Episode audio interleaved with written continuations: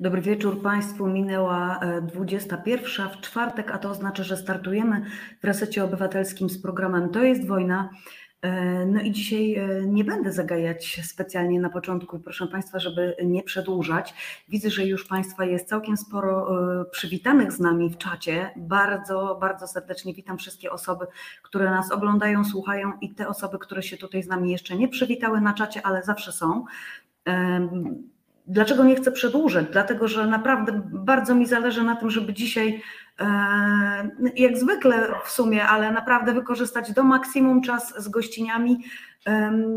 Może się tak zdarzyć, że jedna z nich będzie e, będzie musiała w trakcie na chwileczkę, na chwileczkę gdzieś się wycofać ze względu na swoje matczyne obowiązki, to uprzedzam z góry, że może się tak zdarzyć. Mam nadzieję, że dzisiaj żadna wpadka techniczna się nie zdarzy na łączach.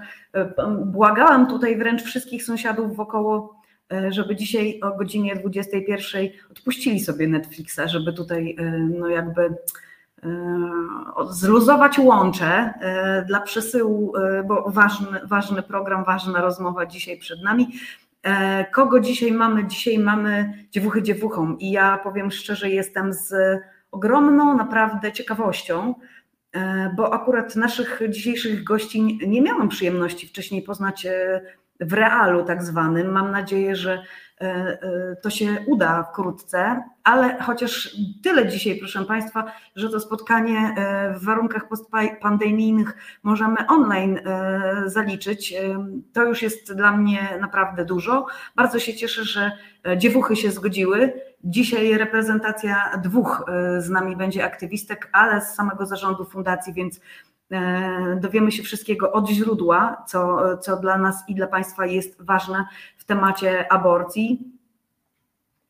E, I bardzo, bardzo, bardzo się cieszę, że już mamy gościnie w naszej wirtualnej poczekalni. Myślę, że to jest moment, żeby już e, je tutaj do nas wpuścić.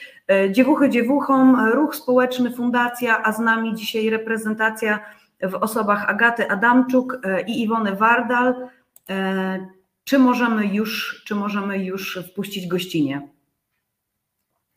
E, a ja tylko dodam na marginesie, a ja tylko dodam na marginesie, że już w czacie tutaj się pojawiły pierwsze komentarze, że jeśli jeszcze nie jesteście w grupie Dziewuch na Facebooku, to mega zachęcamy. Dużo wsparcia, informacji, zawsze można poprosić o pomoc i ją dostać pięknie, naprawdę. Bardzo, e, bardzo się cieszę, e, że tak piszecie tutaj pięknie. E, o tym, że macie takie faktycznie doświadczenie z dziewuchami e, i zapraszamy gościnie na antenę. E, dobrze, to może wykorzystajmy ten moment, e, żeby, się, żeby Ciebie, Agata, przedstawić jako reprezentantkę dzisiaj całego zarządu Fundacji Dziewuchy Dziewuchom i, i opowiedz o swojej roli w, w, tej fundacji i w ogóle w całym jakby ruchu społecznym. Skąd się wzięłaś w Dziewuchach Dziewuchom no i jakby jaka działka Tobie jest przypisana konkretnie? To zacznę może od e, tej mojej działki w Dziewuchach, bo jestem rzeczywiście e, osobą z zarządu, e, natomiast bliższa mojemu sercu i bliższa mi w ogóle w Dziewuchach funkcja jest taka, że jestem aborcyjną dulą i to jest moja absolutnie najulubieńsza część pracy w Fundacji Dziewuchy Dziewuchom. O, jest Iwonka! Super, cudownie! Dobrze, to teraz ja akurat tłumaczę, czym się zajmuję, więc może daj mi dokończyć myśl i za chwileczkę z Iwoną też się przywitamy raz jeszcze e, i e, Iwona z kolei powie, czym się zajmuje. Mhm. E, tak, więc jestem aborcyjną dulą. Do nas zgłaszają się osoby potrzebujące aborcji i wówczas to jest moja rola, żeby opowiedzieć im wszystko, udzielić im niezbędnych informacji i przeprowadzić je przez proces zażywania leków. Czasami im w tym towarzyszę, czasami nie, e, ale to jest absolutnie moja najulubieńsza część pracy w dziewuchach.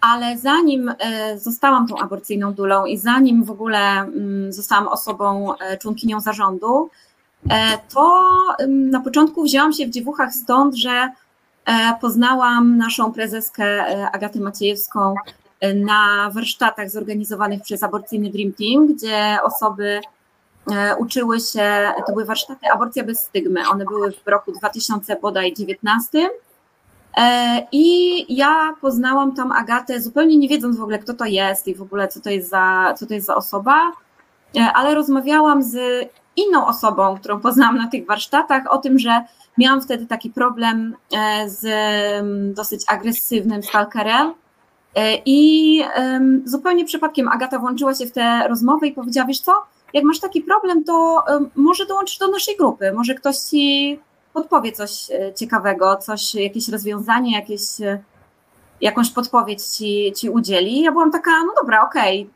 w porządku. Dołączyłam do tej grupy i bardzo szybko stałam się tam bardzo aktywną użytkowniczką. I pewnego pięknego dnia dostałam telefon od, od Agaty skoro już się znałyśmy e, osobiście, Agata zadzwoniła do mnie i zapytała, czy nie chciałabym pomóc w moderacji grupy na Facebooku.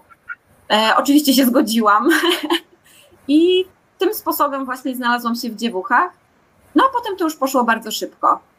E, bardzo szybko się zaangażowałam, bardzo szybko też Agata wiedziała, jak wykorzystać moją wiedzę i doświadczenie w pomaganiu w aborcjach. I tak zostałam aborcyjną dulą zespołu Dziewuchy Dziewuchom, co kocham całym sercem to już wiemy w tym momencie, skąd w dziewuchach dziewuchom wzięła się Agata, a ja bym jeszcze chciała teraz przywitać oficjalnie już e, na wizji Iwonę. Iwona, powiedz e, nam, e, jak ty się znalazłaś w tej grupie, skąd ty się wzięłaś w fundacji i czym się w fundacji zajmujesz? Ja trafiłam e, do fundacji w podobnym czasie jak e, Agata, natomiast z zupełnie innego kierunku. Ja już od kilku lat e, działałam w naszej grupie, w tej dużej, głównej grupie Dziewuchy Dziewuchom. No i ponieważ udzielałam się tam bardzo aktywnie, jako osoba generalnie bardzo aktywna na Facebooku, gdzieś tam zostałam dostrzeżona przez Agatę Maciejewską i dostałam takie pytanie, czy nie chciałabym skoro i tak e, du dużo e, do grupy wnoszę, nie chciałabym tego po prostu w jakiś sposób sformalizować i zostać moderatorką forum. No i tutaj dokładnie tak jak z, z naszą Agatką poszło bardzo szybko. Zaczęłyśmy od moderacji, wkrótce zaczęłyśmy się angażować w inne działania, a po jakimś czasie przystąpiłyśmy do zarządu, żeby wziąć już taką pełną odpowiedzialność za to, w jakim kierunku płynie ta łódka. Mhm. Powiem Wam, że jak tak e, tego słucham, e, to sobie myślę, że jednak to się bardzo podobnie zaczyna. E, ta historia cała z wchodzeniem nowych osób, jakby i takim właśnie usankcjonowaniem tego, ile wnoszą w w taki sposób, że zostają e, członkiniami e, zarządu takie osoby.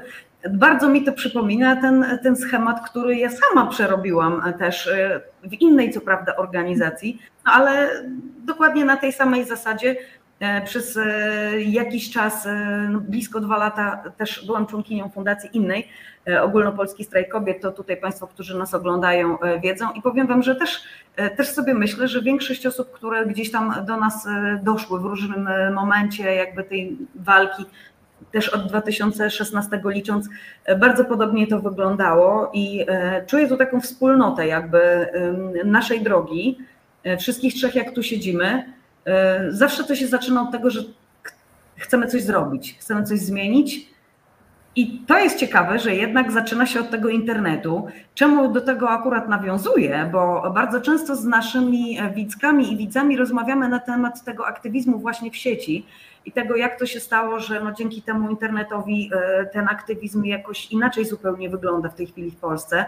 I to sieciowanie nasze takie aktywistyczne też zupełnie inaczej wygląda, co już chociażby teraz przy sytuacji e, z wojną w Ukrainie widać, e, że no jakby mamy to po prostu wszystko już w małym palcu, jak się skomunikować, jak się szybko gdzieś tam, e, wiecie, skrzyknąć do, do roboty i do pomocy, e, no to by się wszystko nie zadziało, gdybyśmy w pewnym momencie nie zaczęły roz, e, nie rozbujały tych grup wszystkich internetowych, szukając się nawzajem po prostu w tych odmętach internetu, namierzając się.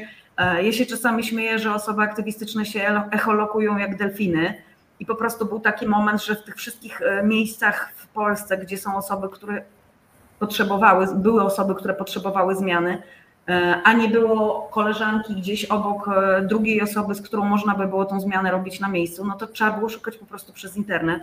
I to jest absolutnie błogosławieństwo, że byłyśmy w stanie w ten sposób się właśnie gdzieś namierzyć, spiknąć, no i robić potem razem rzeczy. Bardzo, bardzo fajnie, że to jakoś tak wybrzmiało, że to się wszystko zaczyna gdzieś tam od tego internetu, a potem idą często za tym takie e, bezpośrednie działania, jak tutaj Państwo lubią mówić, oddolne. Myśmy się przecież wszyscy sieciowali też oddolnie, prawda? No, w Waszym przypadku, tak jak to wybrzmiało, to widać, że ewidentnie to jest tak, że ktoś się garnie do roboty, chce pomóc, chce dołożyć swoją cegiełkę i gdzieś potem takie osoby się namierzają bo jest taka warstwa zawsze w każdej grupie, która komentuje, ale to się nie przekłada potem na działania w realu. I są takie osoby, jak wy, które gdzieś jednak rzuciły się w oczy jako te, które robią systematycznie, nie przychodzą i nie wychodzą, tylko zostają. E, I to są te osoby, które wiadomo, że co by się nie wydarzyło, to po prostu będą. Takie osoby się później ściąga i robi się z nich po prostu e, świetnie funkcjonującą, dobrze naoliwioną machinę, jaką w tej chwili, po tych kilku latach, E, no fundacja jest. Powiem Wam, co mnie rozwala. Jak sobie myślę, dziewuchy dziewuchą, pierwsze skojarzenie jest absolutnie jesteście tak konsekwentne w obecności swojej po prostu i w tej działalności. Jest mało takich osób publicznych i jest mało takich organizacji, też nawet w tym naszym aktywistycznym świecie, w tej naszej branży aktywistycznej, które naprawdę nie zostawiają wydarzeń bez komentarza. Jeżeli coś się wydarzy, no a macie dosyć szerokie spektrum tych rzeczy, o których, którymi się zajmujecie, jeżeli coś się wydarzy w tej działce, u Was jest komentarz. Jest grafika, jest tekst. E, często na wszystkich kanałach, na których jesteście, pojawia się po prostu od razu jakaś tam informacja, macie to dotarcie. Nie ma takich rzeczy, które zostawiacie gdzieś tam, pomijacie. E, ja sobie kiedyś usiadłam i naprawdę policzyłam, wyszło mi, że na palcach obu rąk e, pewnie by jeszcze zostały palce, jakbym miała policzyć takie, takie właśnie podmioty, które nie zostawiają rzeczy bez komentarza, co nic im nie umyka, absolutnie nic. No i wy jesteście jedną z tych organizacji. Pomarańczowo-czarno-białe grafiki to chyba wszyscy, którzy nas tutaj dzisiaj oglądają i, i słuchają, znają. E, one są wielokrotnie gdzieś tam upowszechniane w internecie, co pokazuje, jaka jest wasza siła i jak trafiacie po prostu e, z tym, co robicie w te nastroje społeczne, po prostu nie tylko w naszej jakby bańce, ale ogólnie trafiacie po prostu w nastroje społeczne, zwłaszcza wśród kobiet, zwłaszcza wśród młodych kobiet.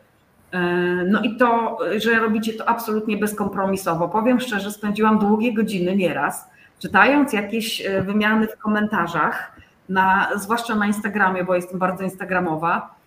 I e, sobie nieraz tak myślałam, dobra, już tam nic nie będę dokładać, bo po prostu wiadomo, już jak się wejdzie w takiego flama, no to po prostu człowieka nie ma na długie godziny, a tureal gdzieś tam woła, dzieci na przykład wołają. Sobie myślę, ale ja pierdolę, no dobrze, dobrze napisały, ktoś tam się zdenerwował, y, jest jakaś tam cała potem wymiana, sobie myślę, nieprawda, nic nie przesadziły, jest w punkt. Czasami wiecie, z takiego PR-owego, bo to z kolei moja działka jest też z takiego PR-owego y, jakiegoś chciałoby się dokumentować. Nieprawda, wcale nie przesadziły. Nie, nie kłamcie, że one tutaj coś przegrubiły, wcale nie było za grubo, to jest gdzieś tam w, w jakichś granicach.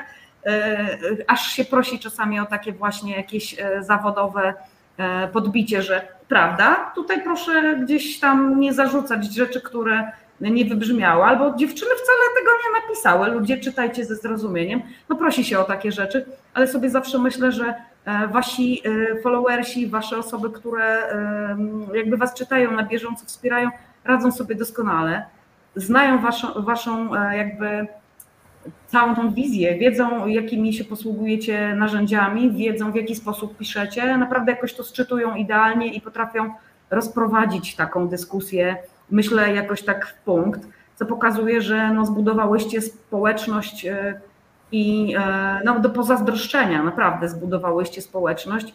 I to już koniec tego mojego teraz talking time, naprawdę, bo wiem, że popłynęłam, ale to dlatego, że też chciałam jakby nakreślić to tło, skąd e, moje takie prywatne zainteresowanie, wręcz fascynacja tym, jak jako takie medialne też zjawisko funkcjonujecie, nie tylko aktywistycznie, ale także tak właśnie medialnie. No i tak, to jest to, co mnie rozwala. Dwa słowa, które sobie ustaliłam, jednak, które najlepiej Was obrazują.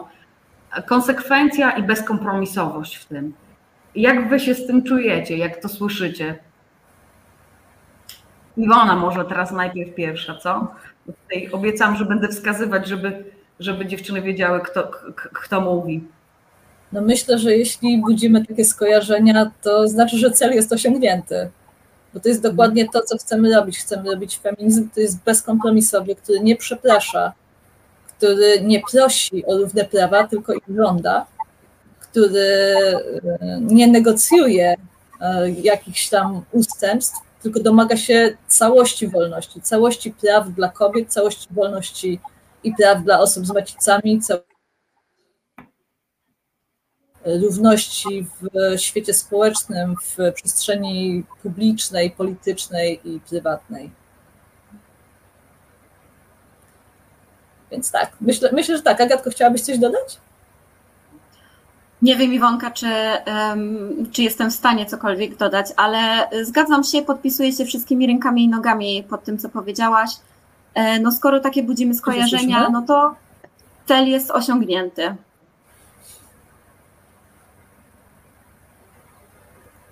To się też cieszę, że Wam się to podoba, że to jest to, co chciałyście osiągnąć.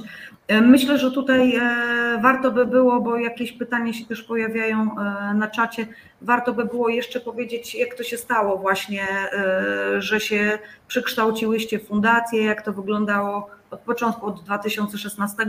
Na marginesie powiem, że grupa Dziewuchy Dziewuchą powstała szybciej niż pierwsza grupa strajkowa, bo już 1 kwietnia w 2016 i błyskawicznie się ta grupa rozrastała. Ja pamiętam, że przez jakiś czas nawet też na tej grupie byłam i w ogóle jakaś lawina tam była. 30 tysięcy w ciągu pierwszej czy drugiej doby, potem zaraz dobiłyście do 100 tysięcy. To naprawdę po prostu było widać, że no jest siła e, w kobietach i jest po prostu ten potencjał do zagospodarowania. Wystarczyło rzucić hasło i nagle po prostu tyle osób się spotkało w jednym miejscu, które podobnie myślały i chciały coś zrobić. Tak było. E, to znaczy, mnie w tej grupie wtedy nie było, tego 1 kwietnia 2016. Ja się pojawiłam dużo później w tej grupie, ale historię znam i rzeczywiście tak było, że grupa powstała bardzo spontanicznie, po prostu jako odpowiedź na potrzebę, która była wtedy, bo e, ogromne poruszenie wtedy w kobietach i wszystkich osobach, których dotyczyły wydarzenia, które wtedy miały miejsce.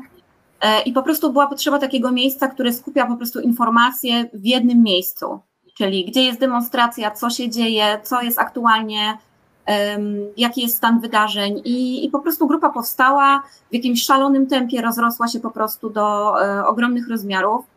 Mm, I Dwa lata później e, grupa została przekształcona w fundację. Znaczy, grupa nie została przekształcona, bo grupa istnieje nadal, ale została zarejestrowana Fundacja Dziewuchy Dziewuchom. No, a potem pojawiłyśmy się my. Mhm. Tutaj pojawiło się takie e, komentarze też na czacie, które warto by było chyba, żeby, e, żeby przytoczyć. E, najczęstszy zarzut wobec dziewuch to chyba właśnie to, że przesadzają albo że są zbyt radykalne. To chodzi o tą działalność waszą taką typową w social mediach. Powiem Wam z mojego punktu widzenia, często tak jak analizowałam zawodowo, to uznawam, że wcale nie, przesadzacie, że to tutaj ktoś jakby Wam przypina, że są zbyt radykalne. No, y, podejrzewam, że czujecie, słysząc, że jesteście zbyt radykalne, to samo, co każda osoba aktywistyczna czuje, jak słyszy, że jest zbyt radykalna. No mnie tam ból od razu jakoś rośnie i ten wkurw się we mnie taki e, wyzwala. E, gdzieś mam swoje granice i bardzo nie lubię, ktoś mi mówi, że jestem jakaś, e, jeżeli ja tego nie czuję. Pewnie też tak macie. Szczerze mówiąc, mnie to już kompletnie nie porusza. Właśnie odbieram to wyłącznie jako komplement. Jak ktoś mówi, jesteś zbyt radykalna, odbieram to jako okej, okay, to jest dopiero ten moment, w którym my zaczynamy. To jest dopiero moment, od którego będziemy się rozkręcać. Bo jeśli hmm. będziemy robić rzeczy letnie, jeśli będziemy robić rzeczy centrystyczne, rzeczy ugodowe, rzeczy kompromisowe, będziemy zawsze stać w miejscu.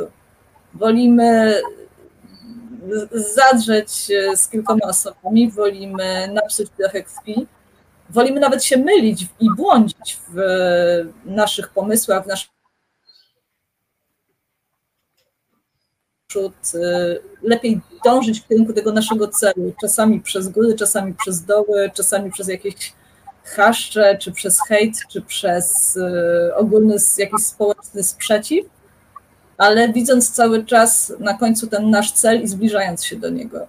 I przecież widzimy, widzimy, że kiedy pisałyśmy kilka lat temu o tym, że stygma nie należy się osobie, która miała jedną, dwie, pięć, ani nawet dwadzieścia pięć aborcji. Pamiętamy, jaki wtedy wywołałyśmy sprzeciw, tak. jaki wywołałyśmy ogromny opór. A obecnie piszą do nas osoby, które, które mówią wprost: Hej, dziękujemy za tego mema, dziękujemy, że miałyście odwagę to powiedzieć, bo kiedy to przeczytałem, kiedy to przeczytałam, zatkało mnie. Powiedziałem sobie, jak 25 aborcji? Przecież to jest nienormalne, niepoważne, nieodpowiedzialne. Po czym to gdzieś może szybko, może wolno, może w ciągu kilku godzin, a może w ciągu kilku lat kiełkowało w umysłach, żeby wrócić razem z tymi osobami, które teraz pod naszymi memami piszą, aborcja jest ok. Ile aborcji? Tyle, ile osoba potrzebuje. Jedną, dziesięć, dwadzieścia, 25 aborcja nie jest niczym gorsza od pierwszej. Jeśli jest potrzebna, no to widocznie jest potrzebna i nie będziemy pytać o przyczyny. I to mhm. jest naprawdę piękne. To nadaje sens naszej pracy. E, napisała na naszym czacie Natalia Broniarczyk, nadbro. E, dziewuchy dziewuchom najlepsze w przesuwaniu rzeczy do przodu. Rewolucja nie jest miła i nie będzie miła. Rewolucja musi być niewygodna, dzięki, że jesteście.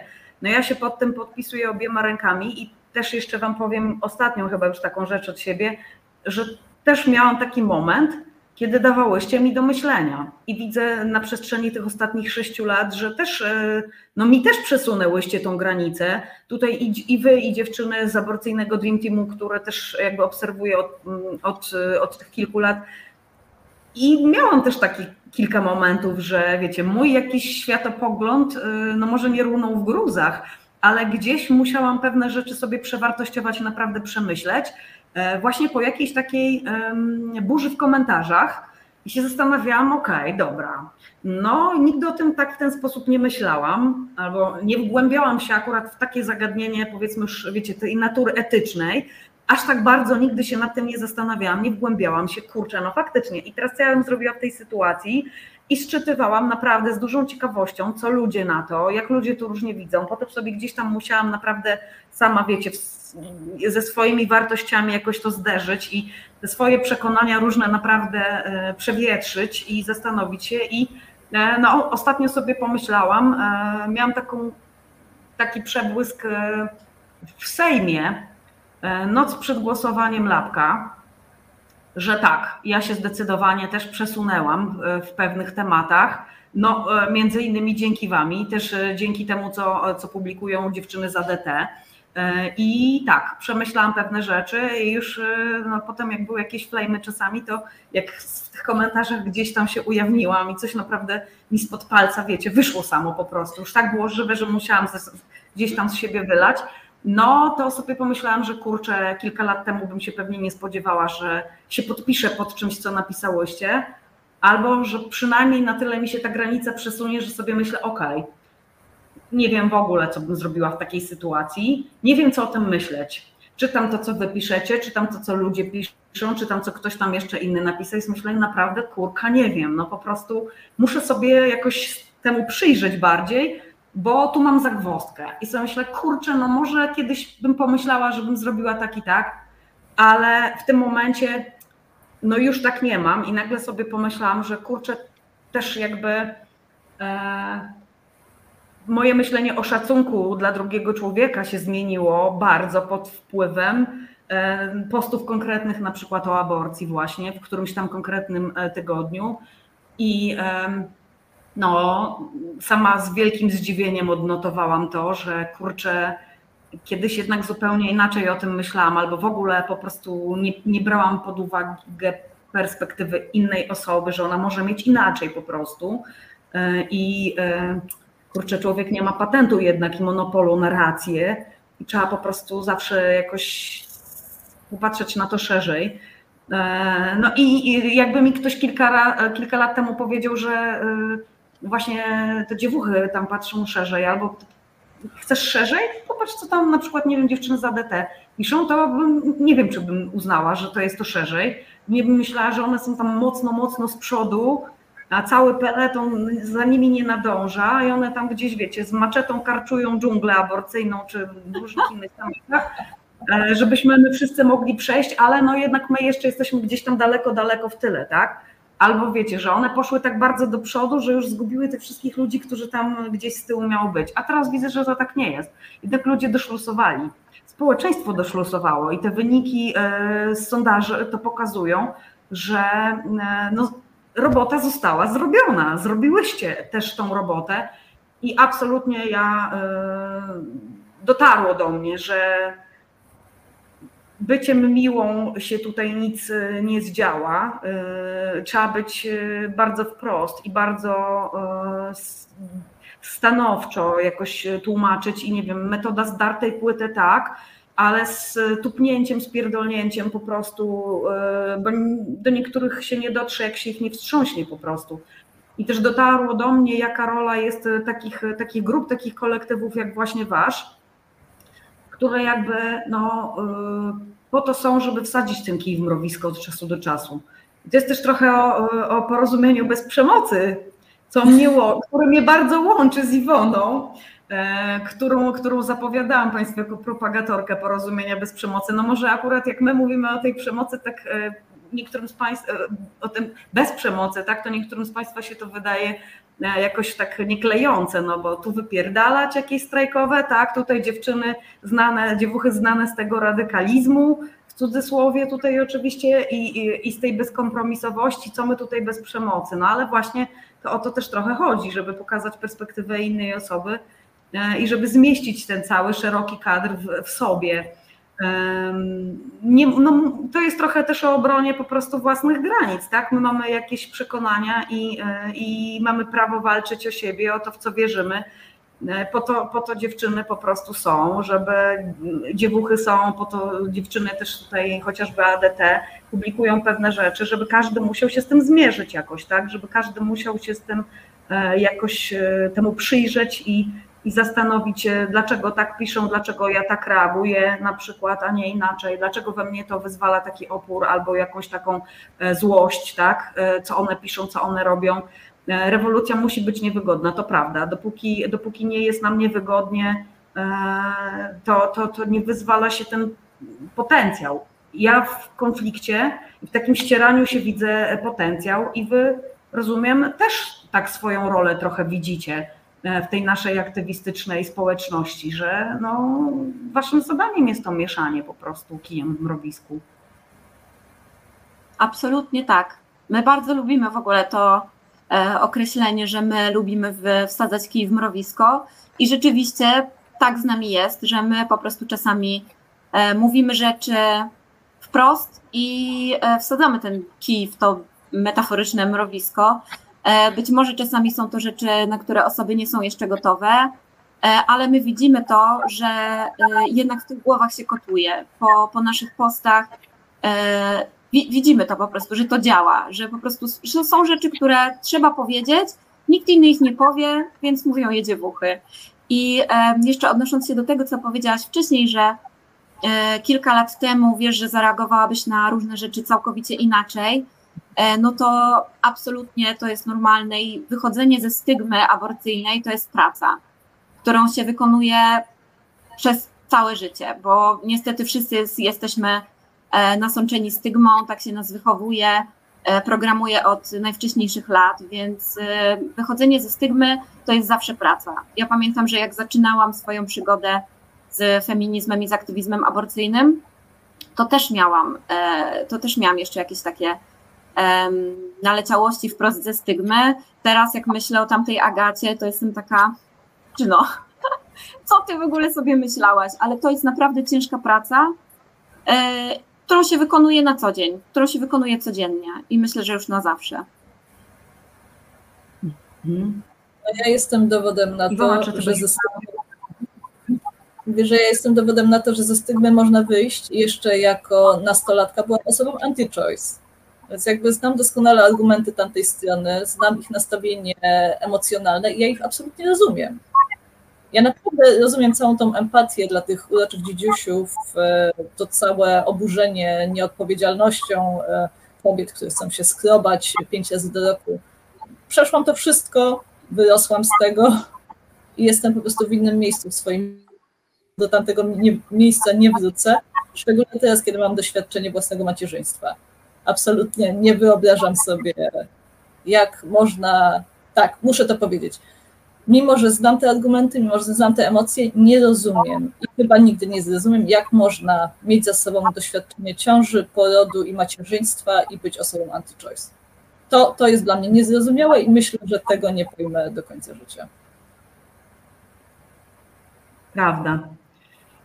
I to jest też taka rzecz, takie przekonanie, które gdzieś tam pokutuje cały czas u nas w kraju, że no albo się chce mieć dzieci, chce się być matką, albo się jest tą potem właśnie, która tam aborcjonistką, albo e, właśnie osobą walczącą o dostęp do legalnej aborcji. Jakby mnie to strasznie rozwala, że my potrafimy tylko albo, albo, a to w ogóle nie jest tak. Po prostu ja też e, jako, słuchajcie, matka trojga, E, dzieci, które były jakby zaplanowane i, i wyczekane wręcz, absolutnie no, chyba w tej chwili bardziej, bardziej pro-choice nie, nie mogłabym być niż jestem, chociaż może za kilka lat jeszcze jakoś coś wyewoluuje.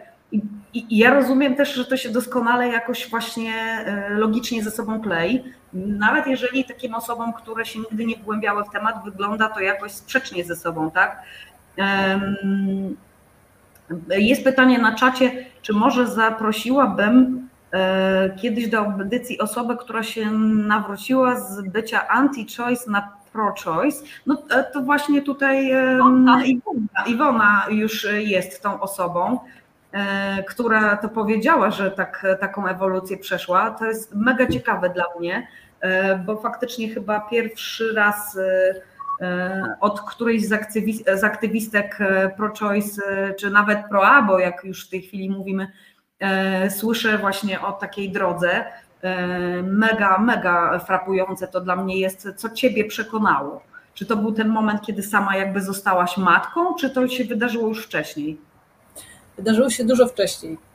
E, ja byłam e, nastolatką wychowaną w wielodzietnej rodzinie i przekonaną o tym, że e, rodzina, dzieci to jest absolutne szczęście i idylla.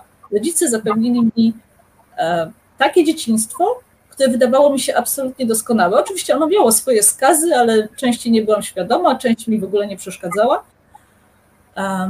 I wchodziłam w tą wczesną dorosłość z takim przekonaniem, że jak w ogóle można nie chcieć mieć dzieci? Przecież to jest tak absolutnie wspaniałe doświadczenie mieć dzieci, rodzinę, e, gromadkę bobasów, a już niemowlęta przecież są absolutnie najbardziej rozkoszne.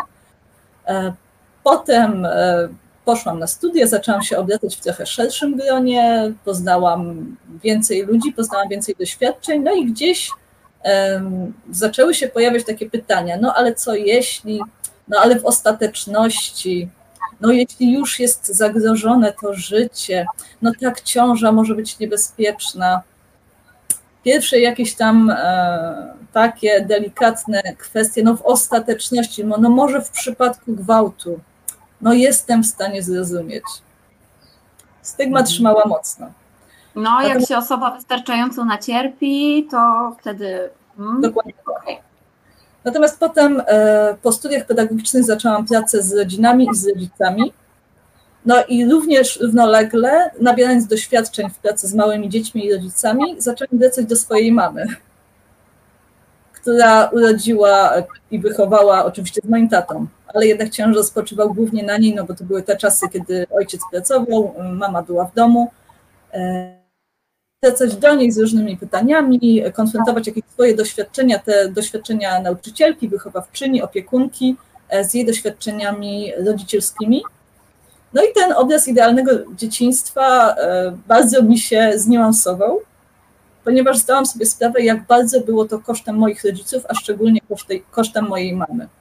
Że to wszystko, czego ja nie odczułam jako braki, jako krzywda, jako niedostatek, jako jakieś wady, to wszystko skupiło się przede wszystkim na niej, a w drugiej kolejności właśnie na moim tacie, którego bardzo często nie było, który musiał pracować do późna, który e, po prostu skupiał się przede wszystkim na zapewnieniu nam bytu, mimo że był bardzo zaangażowanym ojcem, jak na e, te, te normy kulturowe, które, które sam otrzymał. No i zdałam sobie sprawę po pierwsze, jak piekielnie ciężką pracą jest opieka nad małym dzieckiem i wychowanie dziecka. Po drugie, Dopiero wtedy zaczęłam konfrontować się ze świadomością tego, że ciąża nie jest drobną niewygodą, ale stanem autentycznie zagrażającym zdrowiu i życiu. Tak. Bo mimo, że wcześniej dostawałam te informacje, jakoś nigdy to do mnie po prostu nie dobierało. Jakby miałam głębokie przekonanie, że co to jest donosić ciążę? No to jest 9 miesięcy takiej niewygody. No urodzisz tego dzisiaj, przecież możesz go oddać. No i dopiero konfrontacja z tymi e, żywymi, doświadczonymi życiowo osobami, przede wszystkim z, z, z moją mamą i z rodzicami moich wychowanków, głównie w żłobku, e, dała mi dużo bogatszy obraz rodzicielstwa, obraz ciąży, obraz e, opieki nad małym dzieckiem, po którym miał, moje przekonania obróciły się o 180 stopni. Przede wszystkim e, moja mama, która wciąż jest mocno w szponach aborcyjnej stygmy, która dalej uważa, że jednak zrobić taką aborcję to musi być straszna tragedia. E, no moja mama twierdzi, że nie, ale absolutnie. To może być tragedia, to może być straszliwe, ale zmuszać do rodzicielstwa nikogo nie można. Mhm. Więc ona za tej swojej stygmy jest w stanie to zrozumieć, to jak ja mogę się z nią kłócić? z kimś, kto wychował czwórkę dzieci i, i poniósł ten trud y, tych wielu ciąż, pełnienia piersią i, e, i wychowania nas na w miarę przyzwoitych ludzi. Więc e, tak, tak. No i już, już e, po kilku latach pracy byłam osobą umiarkowanie pro-choice. Na pewno wtedy nie podpisałabym się jeszcze pod 25 aborcjami pod aborcją w trzecim trymestrze, Natomiast byłam już przekonana, że ten wybór, przynajmniej w początkowym etapie ciąży, należy się każdemu, a dalej to już była edukacja taka typowo aktywistyczna w tych środowiskach e, typowo feministycznych, jeszcze zanim trafiłam do dziewuch. No, w dziewuchach, nie okupujmy się, to już się tylko e, wyostrzyło i umocniło to przekonanie, że to, co robimy, jest słuszne, to, co mówimy, jest potrzebne są osoby, które muszą to usłyszeć i, i są osoby, dla których to robimy. Mhm. Dziękuję za to wszystko. I mam nadzieję, że to tutaj e, osoby, przepraszam, bo już tutaj nie, nie zapamiętałam, kto o to pytał, sporo się wysypało tych komentarzy w czacie i nie jestem w stanie tutaj teraz namierzyć. E, mam nadzieję, że to, że to jakby zaspokoiło tą ciekawość, jak to się mogło, mogło wydarzyć, że ktoś po prostu jednak e, tak wyewoluował z tymi swoimi poglądami. Ja myślę, że, że takich osób jest więcej i pewnie w szeregach aktywistycznych też. No, każdy z nas jakąś też ewolucję w swoich poglądach E, przechodzi. Ja powiem szczerze, tutaj jak już Iwona powiedziałaś o tym, chociażby o tej aborcji w trzecim trymestrze, dla mnie to był też jeden z tych momentów, który ja musiałam przemyśleć, e, bo był taki moment, kiedy też miałam taki pomyśl, taki, takie wiecie, takie przekonanie, że jak no już ktoś jest w tej ciąży w tym trzecim trymestrze i jest tyle osób, które nie mogą mieć dzieci i czekają gdzieś na takiego dzidziusia, no to już jakby no skoro już mamy to, dzieciątko, które gdzieś by tam, wiecie, y, przeżyło już poza łonem, no to może trzeba donosić po prostu. Takie trochę takie ekonomiczne jakieś podejście, tak? Y, nie wiem, jak to inaczej nawet nazwać. No takie ekonomiczne naprawdę, społeczno-ekonomiczne. No ktoś tam gdzieś czeka na jakieś dziecko, by chciał je mieć, no to może niech ta osoba już y, donosi i po prostu odda. Do momentu, kiedy naprawdę się nie zastanowiłam nad, nad zdrowiem psychicznym po prostu osoby, która ma prawo nie chcieć przechodzić przez poród.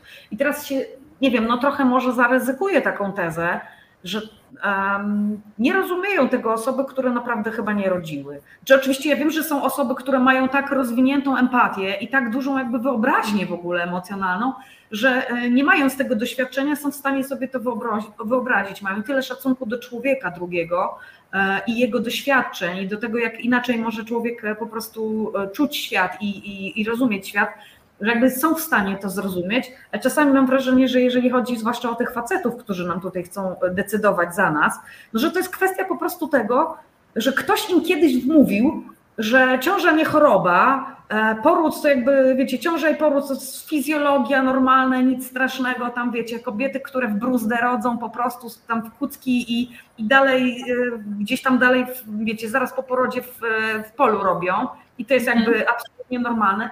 Ja mam wrażenie, że po prostu jak ktoś nie przeżył porodu, e, to, to do końca nie rozumie, że to naprawdę jest graniczne przeżycie ja proponuję tym wszystkim osobom, żeby im zapodać to doświadczenie z porównaniem bólu e, i, i no i wtedy dopiero zacząć jakby tutaj e, myśleć o tym, że my mamy prawo decydować za kogoś. E, poród może się skończyć śmiercią. Wiemy, że statystyka, statystyki to pokazują, że to się zdarza częściej niż inne rzeczy, które byśmy posądzali o jakąś wysoką śmiertelność. E, każdy poród y, może y, się skończyć y, też jakimś powikłaniem, może mieć konsekwencje zdrowotne. E, nie wiadomo nigdy do końca, mimo że teraz już mamy jakby tą diagnostykę tak rozwiniętą, zaawansowaną, nigdy nie wiadomo, e, jak nasze życie będzie wyglądało po tym, jak, jak się dziecko pojawi na świecie. Już nie mówiąc nic o tych wszystkich sytuacjach, kiedy no po prostu kobiety, osoby z macicami, osoby w ciążach są no zmuszane do tego, żeby być żywym inkubatorem, tak? Dotarło do mnie, jak strasznie jest to nieludzkie, że absolutnie żadne z nas, nikt z nas nie ma prawa za drugą osobę decydować po prostu w takiej sytuacji. E, absolutnie nie mamy prawa, nikt nie ma prawa, ani ksiądz, ani druga kobieta, ani tym bardziej facet, który nigdy w takiej sytuacji e, nie będzie. Nie, nie mają po, po, prostu prawa decydować, bo nie wiedzą, nie przeżyją, to ich nie dotyczy. E, dużo mi to zmieniło, naprawdę dużo mi to zmieniło i myślę, że to jest e, ta rzecz, która też jakby jest tą granicą dla wielu osób, tak? Wy o tym mówicie bardzo, bardzo otwarcie, że są osoby, dla których jakby przerwanie e, ciąży e, w trzecim trymestrze e, nie jest problemem i to wszyscy muszą zaakceptować, że tak jest, że są takie osoby, dla których to nie jest jakiś dylemat moralny, etyczny, nie jest to problematyczne, nie mają potem żadnego, wiecie, syndromu osławionego, ani, ani jakiejś tragedii w związku z tym nie przeżywają i nic nam do tego. Nam się to może podobać, nie podobać, mieścić się w naszej skali wartości, nie mieścić nam się w naszej skali wartości, a to jest nasza skala wartości, a nie tej osoby. Ta, ta osoba ma prawo mieć zupełnie jakieś inne postrzeganie. No i to we mnie zmieniłyście wy. Na pewno. Pospołu tutaj z, z dziewczynami z ADT. E, długo się z tym musiałam mieszyć i konfrontować, dopóki do, do momentu, aż do mnie to nie dotarło, że kurwa, one mają rację. Naprawdę, one mają po prostu rację to ja miałam gdzieś, to ja błąd popełniłam w myśleniu, naprawdę. Przez tyle lat myślałam, że jestem empatyczna i tak dalej, że jakby mam tą wysoką inteligencję emocjonalną i jednak nie potrafiłam się w tej sytuacji jakiejś konkretnie, nie potrafiłam się postawić, wiecie, wyjść, odejść od siebie i postawić się w sytuacji jakiejś innej osoby. Nie potrafiłam sobie wyobrazić tysiąca różnych sytuacji, które mogą się wydarzyć które mogą spowodować, że nawet w trzecim trymestrze ktoś może chcieć usunąć e, ciążę, tak? I że te, te ciąże w trzecim trymestrze to niekoniecznie będzie dzieciątko już takie, wiecie, gotowe do wyjścia na świat i w ogóle cudowne, wspaniałe, tam może się jeszcze pierdyliard rzeczy po prostu strasznych, skomplikowanych e, wydarzyć, e, których ja nie przewiduję, a to nie znaczy, że ktoś się z tym nie mierzy i że nie ma prawa w tej sytuacji dokonać własnego wyboru. No, jeżeli ktoś, kto nas w tym momencie słucha, no jakoś z nim to po prostu w tym momencie rezonuje, to znaczy, że tu się temu trzeba przyjrzeć, jakaś praca w przekonaniach jest do wykonania, e, no i może faktycznie e, coś się otworzy, gdzieś odblokuje. E, polecam to bardzo. Chociaż no właśnie chciałam Was w tym momencie zapytać o jedno. Jak Wy potem bierzecie na klatę to, że faktycznie no, jakaś grupa społeczna y, dalej nie jest na to gotowa, żeby się z pewnymi przekonaniami zmierzyć, mimo że to się poprawia i te statystyki jakby i te badania pokazują sondaże, że jest coraz lepiej, no ale jest cały czas jakaś grupa, która, e, która e, no, tego nie akceptuje i broni się mocno i hejt na was się leje. No, leje się hektolitrami. Nie ma co ukrywać, że tak nie jest. E, wiem, że hejt się przyjmuje ciężko, chociaż pewnie jakiegoś tylko ułamka doświadczyłam tego, czego wy doświadczyłyście. E, no i do was pytanie, jak, jak wy się z tym czujecie, e, jak to znosicie, jakie sobie, nie wiem, wypracowałyście mechanizmy radzenia sobie z tym, że no jesteście na tym przodku i jeszcze nie wszyscy do was gdzieś tam w tym myśleniu do, do, do, dobijają. My sobie wypracowałyśmy bardzo e, sprawny mechanizm. Ten mechanizm nazywa się BAN. E, i po prostu e, my bardzo mm, przykładamy się do moderacji treści na naszych socialach, czyli pracujemy na to, żeby inne osoby nie oglądały komentarzy, które po prostu są hejterskie. I, i po prostu rozdajemy bany, bardzo ich dużo ale uważamy, że to po prostu mm, osoby nie zasługują na to, żeby czytać takie rzeczy. E, my też nie chcemy trwonić energii na osoby, które przychodzą do nas potrolować, a wiadomo, że przychodzą, bo e, faceciki jak się skrzykną na tych swoich wszystkich mm, tysolach i innych takich wykopkach, no to przychodzą do nas całymi chmarami i po prostu my nie, my nie wchodzimy w dyskusję, bo to nie jest grupa, do której my chcemy mówić. My się skupiamy na tym, żeby mówić do osób, które rzeczywiście czegoś się chcą nauczyć i coś chcą z tych naszych treści wyciągnąć. A osoby, które przychodzą do nas e, trollować i, i hejtować, nie mówimy do Was, więc no faj. Mhm. I po prostu robimy to, um, robimy to bardzo skrupulatnie. I jeszcze chciałam powiedzieć, że y, my kochamy ADT. Kochamy całym sercem ADT i przysłałam buziaczki bo to są wspaniałe osoby. Wspaniałe, naprawdę. I my się od nich bardzo dużo uczymy. Tak, tak, tak. Tak, tak, tak. Tutaj też były właśnie wcześniej jakieś w czacie pytania dotyczące, dotyczące tych banów. I dlatego też chciałam jeszcze o to podpytać sama. Banujecie dosyć, dosyć tak szeroko. E, banujecie sporo osób e, i to jest e, wasz wybór. To wybrzmiewa też tutaj tak dosyć wyraźnie, że po prostu to nie jest kwestia tego, że jakiś odwet na kogoś, tylko nie chcecie, żeby pewne rzeczy po prostu na waszych wallach, waszych, na waszych profilach gdzieś tam się pojawiały i, i usuwacie. Tak, absolutnie. Poza tym my mamy za dużo do zrobienia, żebyśmy miały tracić energię i swoje po prostu nerwy i emocje na osoby, które nie chcą z nami rozmawiać, tylko chcą po prostu nas hejtować. To, to nie jest tego warte. Ja w tym czasie, co kłóciłabym się z jakimś trolem, ja mogę pomóc w trzech aborcjach, więc wybór jest czysta prosty. Ekonomia, taka, czysta ekonomia, gdzie, gdzie przeznaczacie energię swoją. Dokładnie. To jest też self-care. My bardzo stawiamy na self-care, więc e, uważamy, że też jako osoby po prostu nie zasługujemy na to, żeby kłócić się z takimi e, trollami i wystawiać się same jeszcze na większą ilość tych negatywnych komunikatów. Mhm. Ale ta polityka banowa, bo tutaj to tak wyraźnie gdzieś w komentarzu właśnie było napisane, że ta polityka ban banowa też jest szeroko komentowana właśnie i też za to wam się jakby znowu obrywa, czyli błędne koło się takie, takie, takie jakieś tutaj e, dzieje, że za to, że banujecie tak dużo osób, po prostu wywalacie, nie bawicie się w jakieś tam właśnie polemiki, nie, nie, nie certolicie się, mówiąc wprost, e, no to też jeszcze za to wam się drugi raz obrywa. No ale rozumiem, że to jest jakby, jesteście pewne, że tu macie rację. No niestety, tak.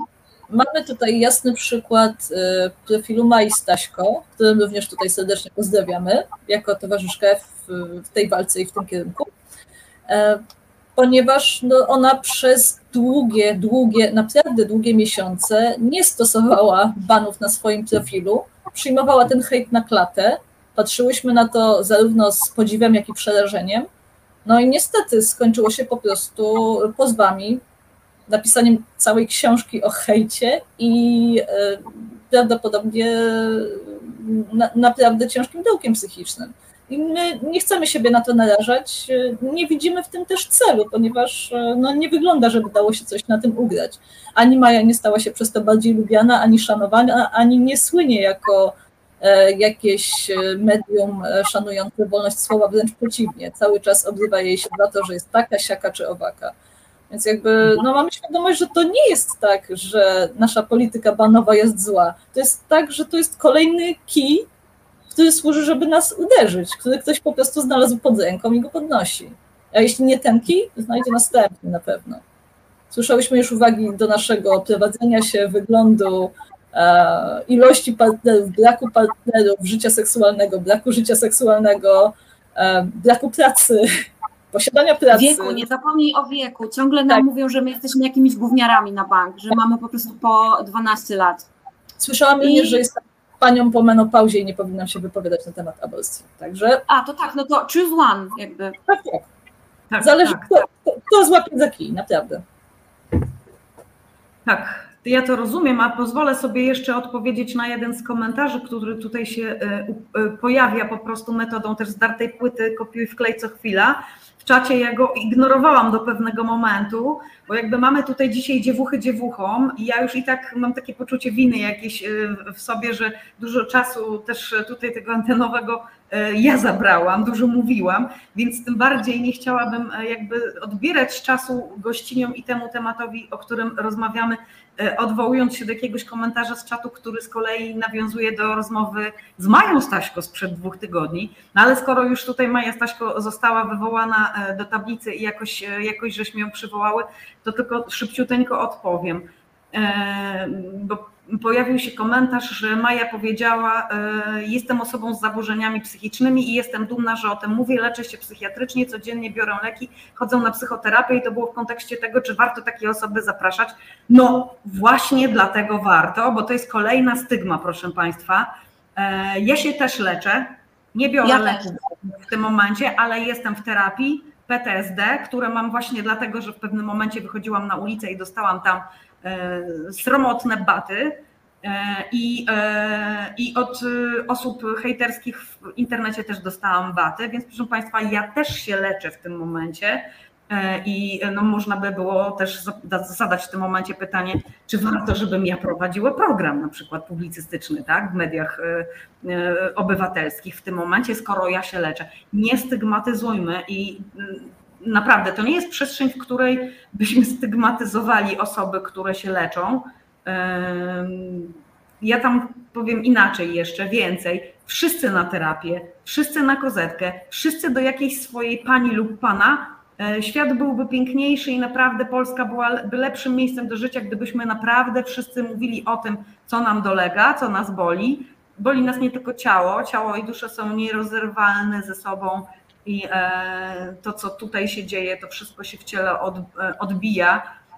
Więc naprawdę nie stygmatyzujmy, róbmy porządek, leczmy się i rozwiewajmy tą kolejną stygmę, bo przecież to jest kolejne tabu, nie tylko, nie tylko E, nie tylko jakby e, no, aborcja jest obarczona jakimś tam takim nimbem e, złej sławy, ale także, także leczenie psychiatryczne czy psychoterapia u psychologa, terapeuty. Ja proszę zawsze o jedno. Dajmy sobie przestrzeń do tego, żeby dokonywać swoich wyborów. Ja naprawdę zawsze jakoś myślę przed tym, zanim zaproszę gości do Państwa i do siebie tutaj do programu, więc y, uszanujmy to też, że zapraszam kogoś do programu. Wszystkie osoby, które zapraszam, są z klucza. E, zróbmy coś, zmieńmy, powiedzmy o czymś ważnym. W związku z tym, no ja sobie nie wyobrażam, żeby prędzej czy później takie gościnie jak Agata, czy Iwona, czy, czy Maja się tutaj po prostu nie pojawiły, póki mam na to jakiś wpływ. I to tyle tego małego zejścia na temat innej stygmy, a wracając do aborcji i tych kompromisów, jest tutaj jeszcze jedna ciekawa rzecz, o której można by było powiedzieć, jak już jesteśmy w zasadzie przy tym rozwiewaniu stygmy i o tym przesuwaniu granic i o tym, co jeszcze jest jakimś takim punktem, gdzie się rozmijamy, jak chociażby ten trzeci trymestr dyskusja się rozegrała tutaj na, na czacie, e, co z rolą partnera, czyli mamy, rozumiem, taką sytuację hipotetyczną, że jest kobieta w ciąży, e, jest partner, ojciec tego dziecka i jaka jest jego tutaj rola ewentualnie i co on może, jaki może mieć wpływ na podejmowanie decyzji, czy powinien mieć, może o tym jeszcze chwileczkę powiedzmy, skoro tutaj wyraźnie gdzieś w komentarzach jest jakiś niedosyt informacji na ten temat no to wszystko zależy od osoby, która jest w ciąży. Jeżeli ona chce zaprosić do swojego procesu decyzyjnego e, swoją osobę partnerską, proszę bardzo. Natomiast jeżeli e, ta osoba nie chce zapraszać e, tej osoby do swojego procesu decyzyjnego mm, a propos tego, co zrobić ze swoją ciążą, no to rola tej osoby jest żadna, bo jaka by miała być? Przecież nikt nie może nikogo zmuszać e, ani nikomu niczego zabraniać, jeżeli chodzi o autonomię cielesną. To jest bardzo, e, bardzo podstawowe prawo i żaden partner czy żadna inna osoba partnerska, no niestety nie może tego prawa naruszyć, prawda? Więc tutaj rola osoby partnerskiej jest taka, żeby wspierać. To jest główna rola. Mhm. Jeśli mogę znowu zajechać prywatą, tak jak mówiłam, jestem mamą Jestem też od wielu lat mężatką. No i tak jak, tak jak mówię, wiele lat zajęło nam podjęcie decyzji o dziecku, przygotowanie się na nie. Myślę, że to była dobra decyzja. Umocowaliśmy się jej i mąż w życiu w takim miejscu, że byliśmy na to dziecko gotowi i przyjęliśmy je, myślę, odpowiedzialnie. Natomiast e, takim ostatnim sprawdzianem, absolutnie ostatnim testem przed podjęciem ostatecznej decyzji było dla mnie to, że poszłam do mojego męża i powiedziałam mu: Słuchaj, wiesz co, ja jeszcze nie wiem, jak będę się czuła, jak będę w ciąży. To będzie moja pierwsza ciąża. Powiedz mi, co ty byś zrobił, gdybym ja zaszła w tę ciążę i stwierdziła, że nie, słuchaj, nie jestem w stanie jej donosić, nie wyobrażam sobie tego, jestem przerażona, czuję się okropnie, absolutnie to, to nie jest dla mnie. I mój mąż powiedział: Słuchaj, ja chcę tego dziecka, chcę mieć dziecko z tobą. Gdybyś ty chciała tą ciążę przerwać, to byłaby dla mnie tragedia. Ale to jest tylko twoja decyzja. I ja musiałbym się z tym pogodzić. Mhm. I dopiero w momencie, kiedy poczułam, że mam absolutną wolność decyzji, poczułam też absolutną gotowość do tego, żeby tę decyzję podjąć i na dziecko się zdecydować bo bardzo, bardzo bałam się właśnie tego ciśnienia, tej, tej odpowiedzialności na zasadzie tego, że ciąża już jest, e, tak, jest ostatecznością, musi się skończyć porodem.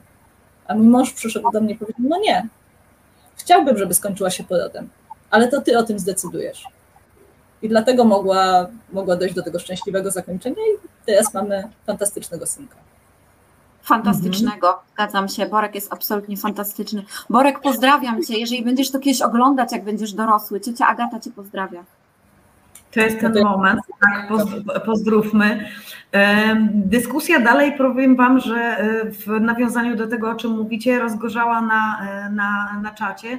No i pytanie takie, no bo tutaj e, jak już klarujemy, to wyklarujmy, że jeżeli są Państwo razem, no to już jakby nie jest tylko jej ciąża, tylko to jest wspólna ciąża. E, no i to jest bardzo często, słuchajcie, e, tutaj teraz. Wspólna macica? Czy... Tak, tak, tak. Nie, że no ciąża jest, ten płód jest jakby wspólny, tak? To jest ta logika Ale taka. nie jest o płodzie. zawsze w konfederacji. Mhm jakby, jakbyśmy się skupiali e, na płodzie, no to wracamy do punktu wyjścia. Jakby aborcja nie jest o płodzie. Ona nie jest o tym, co się znajduje w tej macicy. Ona jest o osobie, która ma tę macicę. Więc dla mnie to tu nie ma, nie ma nad czym dyskutować. Jakby materiał genetyczny może jest wspólny, ale dalej to jest ciało tej osoby, która jest w ciąży. Nie wspólne ciało, nie wspólna ciąża ciążę nosi jedna osoba, nie dwie. Tak. Jeśli można, to ja chciałabym się odnieść tutaj do komentarza. Panie Waldku, który Pan tak chwali moją wypowiedź. Ja donosiłam tę ciążę dlatego, że chciałam. Nie zrobiłam tego dla mojego męża. Nie zrobiłam tego dlatego, że on powiedział, że bardzo chce dziecka. Zrobiłam to dlatego, że czułam się gotowa. Więc to nie jest tak, że mój mąż był dla mnie miły, więc ja dla niego donosiłam tę ciążę w zamian ja wciąż brałam pod uwagę możliwość aborcji. Po prostu jej nie potrzebowałam w tamtym momencie. A być może kiedyś zajdę w kolejną ciążę i będę tej aborcji potrzebować. Jeszcze kilka lat płodności przede mną, może już niewiele, ale zawsze. Więc... Mhm. Także cieszę się, że dotarło. E, no właśnie, to jest ta rzecz, która też tutaj wybrzmiała w tej wypowiedzi Agaty. U nas jest jakieś takie często przekonanie, że materiał genetyczny jest wspólny, no to już jakby decyzja o tym, co robi e, osoba, która jest w ciąży ze swoim ciałem, też musi być wspólna. No, to nie tędy droga, tak? I tutaj jakby kluczem chyba jest e, dla tych osób, które jeszcze się muszą nad tym, chcą się nad tym pozastanawiać, e, no jednak kwestia tego, że ciąże to są też jakieś koszty, tak? Nie oszukujmy się. Nie małe. Tak, nie małe dla organizmu. Każda ciąża drenuje. E, nie przez, nie przez przypadek kobiety muszą się w ciąży suplementować i to, i to dosyć, dosyć bogato. E, po każdej ciąży są jakieś straty, tak? E, mnie zawsze rozwala, jak osoby ze starszego pokolenia właśnie tak jakoś, nie wiem, nawet nie ma na to dobrego słowa, mitologizują chyba, romantyzują tą ciążę i, to, i to, tą, tą misję rodzenia dzieci, E, zapominając o tym, że kobiety jeszcze kilkadziesiąt lat temu, e, pokolenie takie powiedzmy wojenne, czyli te, te trzy pokolenia do tyłu, one rzadko rodząc dzieci co rok, jak to się mówiło, co rok prorok, one rzadko dożywały do sześćdziesiątki, tak? Dlaczego one rzadko dożywały do sześćdziesiątki? Bo po prostu każda ciąża mówiąc, nie wiem, kolokwialnie upraszczając, wyjaławiała, tak po prostu drenowała ten organizm. Więc to, mm, to nie jest e, tak, że to jest faktycznie jakaś fizjologia i że to jest jakoś zupełnie neutralne dla organizmu tej, tej, tej osoby, która ciążę nosi. I właśnie dlatego, że mogą się pojawić komplikacje, można stracić życie nawet przy tym porodzie, czy w trakcie ciąży, w trakcie donoszenia tej ciąży, no, nikt inny nie ma prawa w tym momencie nam mówić, jak my mamy tym naszym ciałem rozporządzać, nawet jeżeli faktycznie tam jest jakiś wspólny, powiedzmy, materiał genetyczny. No, to jest ta konfederacka logika o tym materiale genetycznym wspólnym, ale to wybrzmiewa, więc e, musimy e, tutaj, mam takie wrażenie, dawać osobom słuchającym nas, oglądającym jakiś oręż do walki, więc, e, więc dawajmy im te przykłady, jak też rozmawiać z czymś takim. To jest też też dobry moment o tym, żeby, na to, żeby porozmawiać, jak mówić o aborcji, a czego nie mówić, bo e, nawet w takim środowisku aktywistycznym często zdarza się, że wybrzmiewają rzeczy, e, które e, no, jakby nie popychają dyskusji do przodu, wręcz przeciwnie, strzelają w stopę. I nawet w dobrej wierze czasami osoby aktywistyczne, które gdzieś tam słyszałam w różnych okazjach, no, strzelają takie, takie rzeczy, mówią takie rzeczy, których jednak e, no już gdzieś ustaliłyśmy w tej naszej wspólnej świadomości, że to nie pomaga, tylko szkodzi, więc tego po prostu argumentu na przykład gdzieś tam nie używajmy, bo to jest kontrproduktywne. E, jakie wy byście miały wskazówki dla tych wszystkich osób, które prowadzą boje w, w domach podczas rodzinnych spotkań, podczas towarzyskich spotkań w gronie przyjacielskim i próbują jakoś różnymi metodami dotrzeć do tych osób, które jeszcze, jeszcze gdzieś tam tkwią w tej stygmie i jeszcze jakoś w takim w takich w tej dezinformacji na temat aborcji po prostu tkwią. Ja przepraszam, ja muszę się odnieść do komentarza, który e, tutaj mhm. Żelazny komentator, pan Waldek, zostawił. Ciekawy, czy pani Agata zrobi to w tajemnicy przed swoim partnerem. Owszem, panie Waldku, osoba, z którą zaszłam w ciążę, e, nie wie o tym, że zrobiłam aborcję i nigdy się o tym nie dowie, bo to nie jest jego biznes, więc e, cóż mogę powiedzieć. E, a jeśli chodzi o argumenty, których używać lub nie podczas rozmów o aborcji, to ja bym przede wszystkim miała taką wskazówkę, żeby nie koncentrować się na tym płodzie, bo ten płodocentryzm do niczego nie prowadzi i nie da się, nie da się tutaj dojść do jakiegoś konsensusu, od kiedy zaczyna się życie, od coś tam i tak dalej, to nie popycha dyskusji do przodu. Koncentrujmy się na osobie, która jest w ciąży, a nie na płodzie, bo dyskusje o płodach prowadzą donikąd. I nigdy, nigdy nie uda się przekonać nikogo, kto uważa, że zapłodniona komórka to jest już człowiek, do tego, że to nie jest człowiek. Więc ta dyskusja to jest marnowanie energii. Totalnie. Mhm. Dla mnie argumentem ostatecznym jest to, że każdy człowiek, absolutnie każdy, włącznie z więźniami w więzieniach, włącznie z najgorszym kryminalistą, ma prawo do autonomii cielesnej. Uważamy, że torturowanie więźniów, wycinanie im e, organów to są jakieś zbrodnicze praktyki. Tak? Uważamy, że, mm, że nie możemy żadnego człowieka zmusić do pracy wbrew woli. Na przykład nie możemy zmusić lekarza, żeby uratował jeszcze jedno życie. Nie możemy zmusić lekarza, żeby przeprowadził ratującą życie operację. My zbieramy na te operacje grube miliony, tak, na portalach zrzutkowych, ale nikt nie wpadnie na to, żeby pójść z pistoletem do lekarza, który mógłby przeprowadzić tą operację i go po prostu do tego zmusić, no bo przecież chodzi o życie niewinnego dziecka. Ale mamy świadomość, że lekarz ma prawo do autonomii, ma prawo do wynagrodzenia za swoją pracę, ma prawo powiedzieć, no nie, nie będę leczył dzieci za darmo i nie mamy z tym żadnego problemu. Natomiast kiedy kobieta mówi, nie, nie będę robić dzieci dla osób niepłodnych, nie, mhm. Nie będę rodzić dziecka, którego nie chcę. Nie, nie urodzę dziecka partnerowi, mm, z którym nie chcę być, albo z którym nie chcę mieć dzieci. Wtedy nagle pojawia się problem.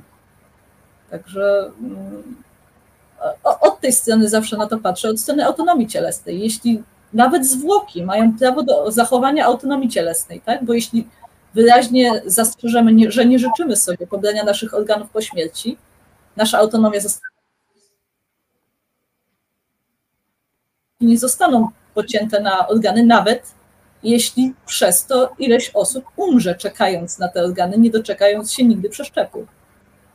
Więc jakby tutaj argument ratowania życia no nie jest argumentem. Jakoś skoro nie ma, nie ma zastosowania do zwłok, czemu miało być do żyjącej, żywej osoby z macicą, która po prostu akurat tak, uprawiała seks i zaszła w ciążę.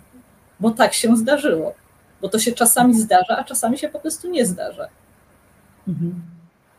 Prawda, ten argument, e, ten argument z integralnością cielesną więźniów, czy chociażby właśnie z integralnością zwłok, e, powinien, naprawdę powinien każdej myślącej osobie jakoś to wszystko ustawiać w proporcji odpowiedniej.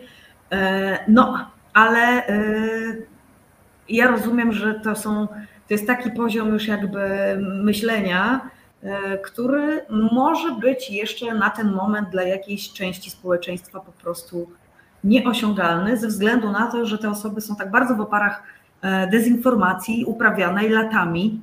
No, nie oszukujmy się, latami uprawianej dezinformacji na temat aborcji e, z premedytacją przez organizacje dysponujące ogromnym majątkiem, jak chociażby Kościół katolicki, przez organizacje, które mają na to po prostu kasę, E, żeby utwierdzać społeczeństwo polskie i, i, różne inne społeczeństwa w przekonaniu, że e, no, kobieta jak podręczna jest do tego, żeby urodzić nawet wtedy, kiedy nie chce.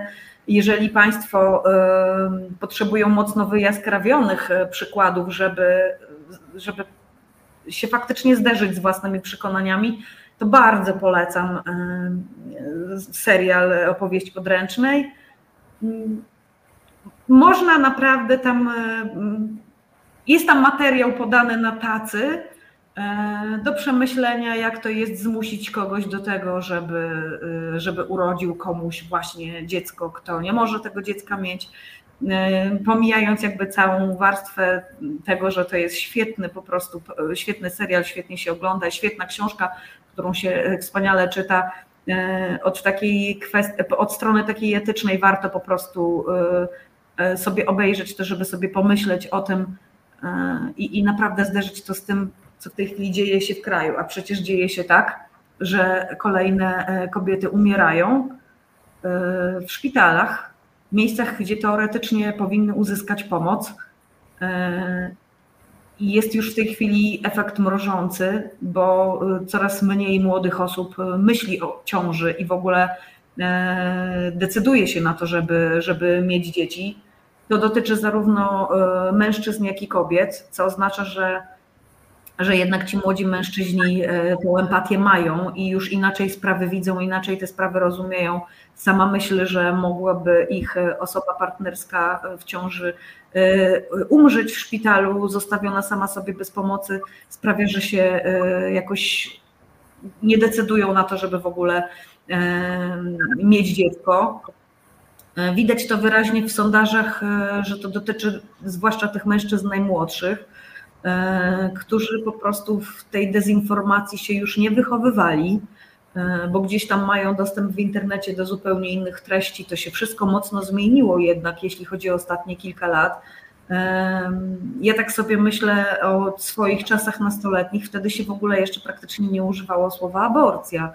Może lekarze używali w środowisku medycznym słowa aborcja, ale generalnie o tym się nie mówiło po prostu, o tej aborcji się nie mówiło. Jeśli już to jakieś wywoływanie miesiączki, przerywanie, przerywanie ciąży, ale głównie jednak w ogłoszeniach drobnych było AAA i e, wywoływanie. AAA, wywoływanie tak, miesiączki, tak. tak jest po prostu samo słowo aborcja w ogóle nie było używane, jeśli już przerywanie ciąży prędzej, tak?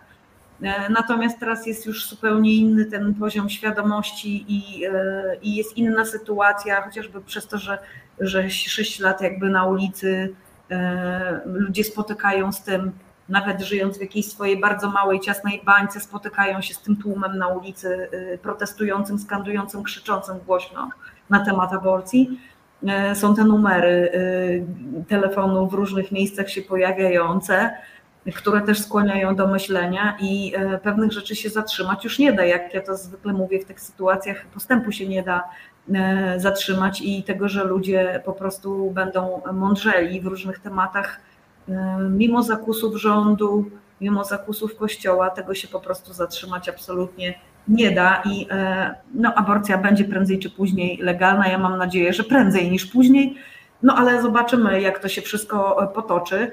Na razie wiemy tyle, że aborcja w Polsce jest. Była, jest i będzie.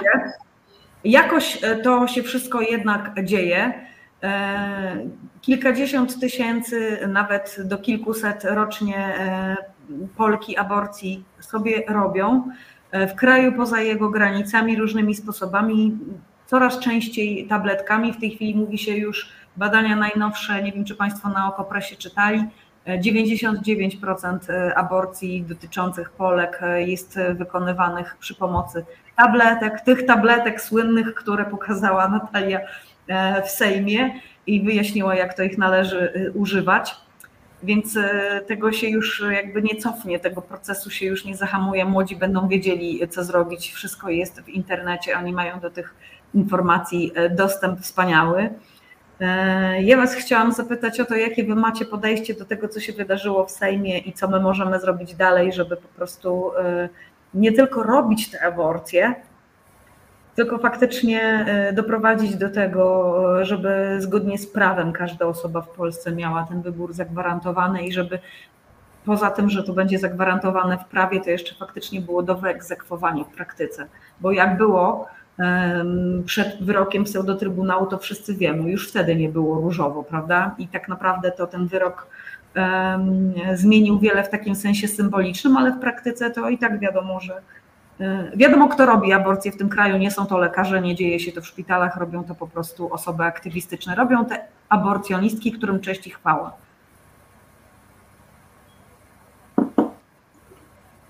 Zgadza się, robią to aborcjonistki i robią to bardzo prężnie. W Polsce mamy akurat świetną sieć samopomocy aborcyjnej. E, nie wiem, czy są osoby, które nie znają jeszcze e, numeru do aborcji bez granic. To jest 2229 22597. To jest numer, który jest na wszystkich transparentach i to jest absolutnie wspaniałe. E, natomiast rzeczywiście fajnie by było, gdybyśmy nie musiały wyręczać państwa w jego obowiązkach, czyli w zapewnianiu osobom z macicami należytej opieki zdrowotnej, do, których, do której należy również aborcja. Ale jak się to ma stać? No musimy po prostu próbować. Pierwszy projekt został odrzucony ale to nie znaczy, że walka nasza się zakończyła. Absolutnie nie, bo będziemy próbować do skutku, aż się uda. W końcu musi się udać. Czyli generalnie rozumiem, że tu potwierdzacie oficjalnie, że jesteście za tym, że trzeba cały czas próbować w ten sposób. Oczywiście. Oczywiście, że tak. Znaczy, ja uwielbiam pomagać w aborcjach, to jest absolutnie wspaniała praca, natomiast marzy mi się, żeby nie była potrzebna. Żeby osoby mogły po prostu pójść do lekarza, E, zapytać o aborcję, uzyskać odpowiednie informacje.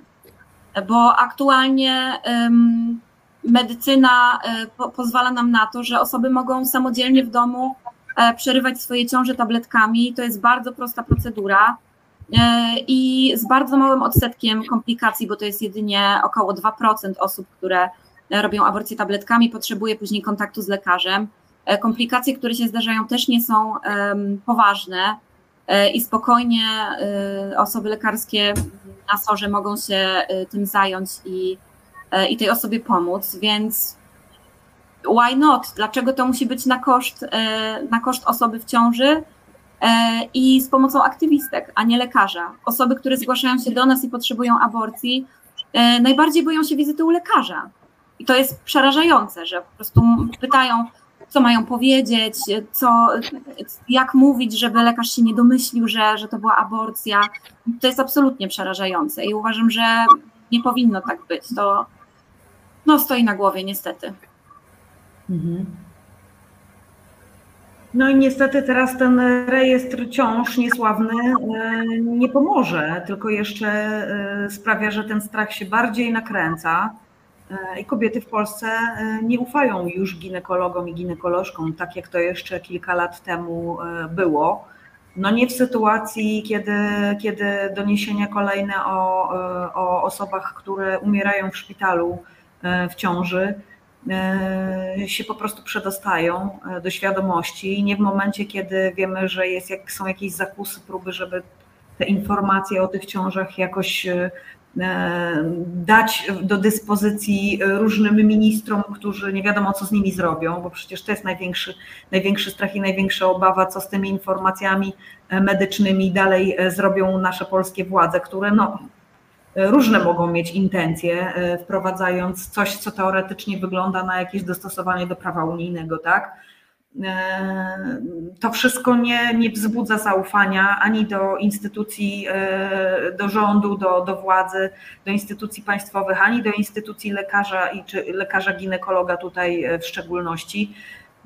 No i, i chyba słusznie, bo ci lekarze no, zrobili tyle różnych niefajnych rzeczy, że nie ma się co oszukiwać, zapracowali sobie trochę na to. Zanim nie ma się co, na nich, co nad nimi roztkliwiać, tak?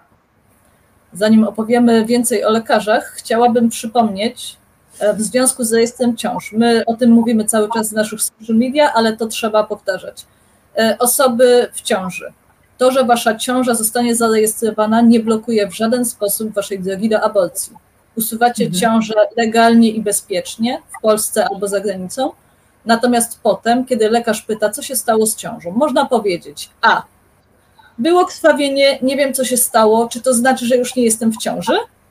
Lekarz wykreśla ciążę z rejestru. Albo B, chyba w międzyczasie poroniłam, było straszne krwawienie, wygląda na to, że już nie jestem w ciąży. Lekarz usuwa ciążę z rejestru. Albo opcja trzecia, absolutnie legalna, dozwolona, ale wymaga nieco silniejszego charakteru. Mówimy, tak, miałam aborcję, nie jestem już w ciąży, proszę wykreślić moją ciążę z rejestru. I wciąż lekarz nie ma prawa nasłać na was policji, nie ma prawa kazać wam się tłumaczyć. Natomiast oczywiście mamy świadomość, że do różnych sytuacji może dojść, więc tą metodę polecamy osobom, które są zdecydowane, mają świadomość swoich praw i silne nerwy. Natomiast mhm. nikt za to, że ciąża zniknęła z rejestru, nikogo nie ma prawa ścigać. Dokładnie tak. Teraz o lekarzach? o lekarzach. Mój ulubiony temat. E, o lekarzach. Cóż ja mogę powiedzieć e, o lekarzach w Polsce? Lekarze w Polsce nie znają się na aborcji. Lekarze w Polsce nie umieją robić aborcji, nie uczą się tego na studiach, wiemy to od naszych koleżanek lekarek ProAbo, e, absolutnie fantastyczne osoby, polecamy wszystkim osobom zaobserwować je na social mediach. E, lekarze w Polsce nie potrafią dawkować mizoprostolu, lekarze w Polsce nie czytają najnowszych e, wytycznych WHO, które pojawiły się w marcu tego roku. To jest dosyć długa lektura, bo to jest, o ile dobrze pamiętam, 200 stron plus minus. E, natomiast jest zupełnie, warto to przeczytać, fajnie by było. E, natomiast lekarze nie zadają sobie tego trudu, bo wiedzą, że w Polsce i tak tych aborcji e, robić nie będą. W związku z tym nie wiedzą w ogóle, jakimi substancjami przerywa się ciążę. Powiem tutaj dla rekordu mifepriston plus mizoprostol E, jeżeli oglądają nas jacyś lekarze, to od razu możecie sobie zapisać w kajecikach. E, jeden mifepriston, cztery mizoprostole. I tak. No natomiast lekarze w Polsce bardzo, bardzo lubią z siebie robić osoby najbardziej pokrzywdzone przez, przez kompromis, przez, przez zakaz aborcji, przez wszystko są pokrzywdzeni. Mhm. I jeśli muszą aborcję, też są pokrzywdzeni. E, tak, tak. I tutaj jeden z komentarzy na czacie jest w momencie, kiedy tutaj Agata e, wypunktowywałaś, co oni lubią, to jeszcze jest, że e, a czego nie potrafią, to że lekarze w Polsce kochają klauzulę sumienia, nie? O, kochają, kochają klauzulę sumienia i wiecie co jeszcze kochają? To jest najbardziej ironiczna i zabawna rzecz na świecie, że w kraju, gdzie lekarze nie przeprowadzają aborcji, lekarze polscy mają obsesję na punkcie skrobania maci. Oni kochają łyżeczkowanie. Ilekroć osoba e, w trakcie aborcji ma e, komplikacje i, i musi udać się do szpitala, ja od razu zawsze mówię, nie musisz zgadzać się na łyżeczkowanie, bo to jest e, prawie pewne, że osobie zostanie ono zaproponowane, bo polscy lekarze nie wiedzą, że łyżeczkowanie jest bardzo przestarzałym zabiegiem, który jest obarczony ryzykiem komplikacji dużo większym niż przyjmowanie leków aborcyjnych I jedynym ich znanym sposobem na oczyszczenie macicy jest po prostu ją wyskrobać. E, w związku z tym e, pozdrawiamy polskich lekarzy. Nauczcie się dawkować pitoprostol. Mhm.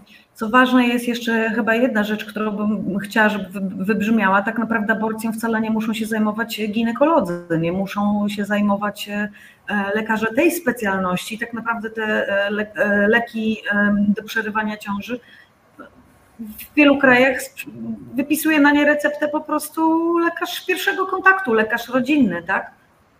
Tak, mało tego, w najnowszych wytycznych e, WHO z marca e, jest wyraźnie napisane, że e, do aborcji farmakologicznej nie jest potrzebny wcale lekarz, jest potrzebna tylko, są, jest potrzebny dostęp do tabletek i jest potrzebna osoba, która udzieli tej osobie odpowiednich informacji, czyli osoba, która posiada wystarczające kwalifikacje żeby udzielić osobie informacji o sposobie dawkowania, e, o ryzyku, o tym, jak rozpoznać, kiedy dzieje się coś nie tak, e, kiedy aborcja nie idzie zgodnie z planem. I absolutnie nie musi to być lekarz. E, wytyczne WHO mówią o tym wyraźnie, że to może być po prostu osoba posiadająca wystarczające komunikacje, kompetencje.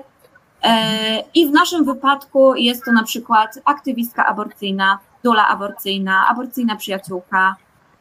Także tak, absolutnie nie są nam potrzebni lekarze do aborcji w pierwszym trymestrze. Mhm. To chyba jest też taka rzecz, która gdzieś tam jest w, w, tych przekonaniach utrwalona, że wszystko, co dotyczy naszego zdrowia, to, to jest jakby kwestia lekarza, pielęgniarki.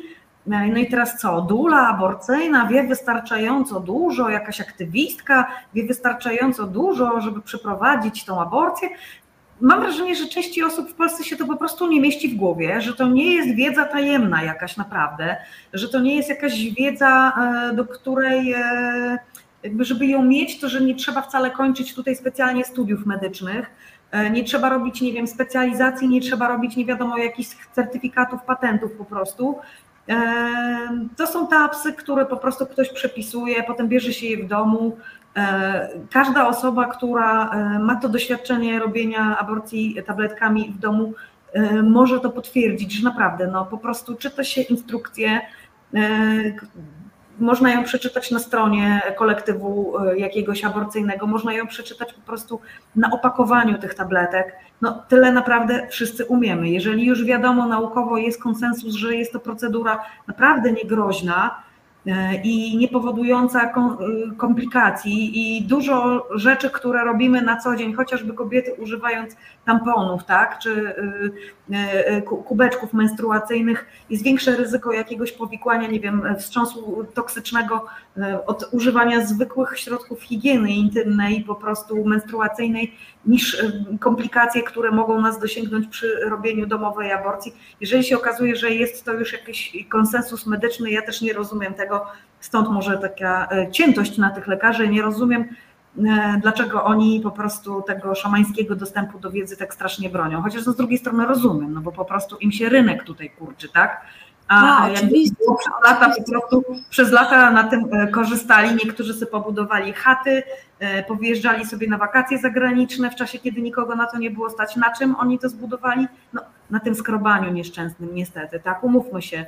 E, Kurczy im się rynek, kurczy im się e, monopol na pewne rzeczy, e, na pewien szacunek,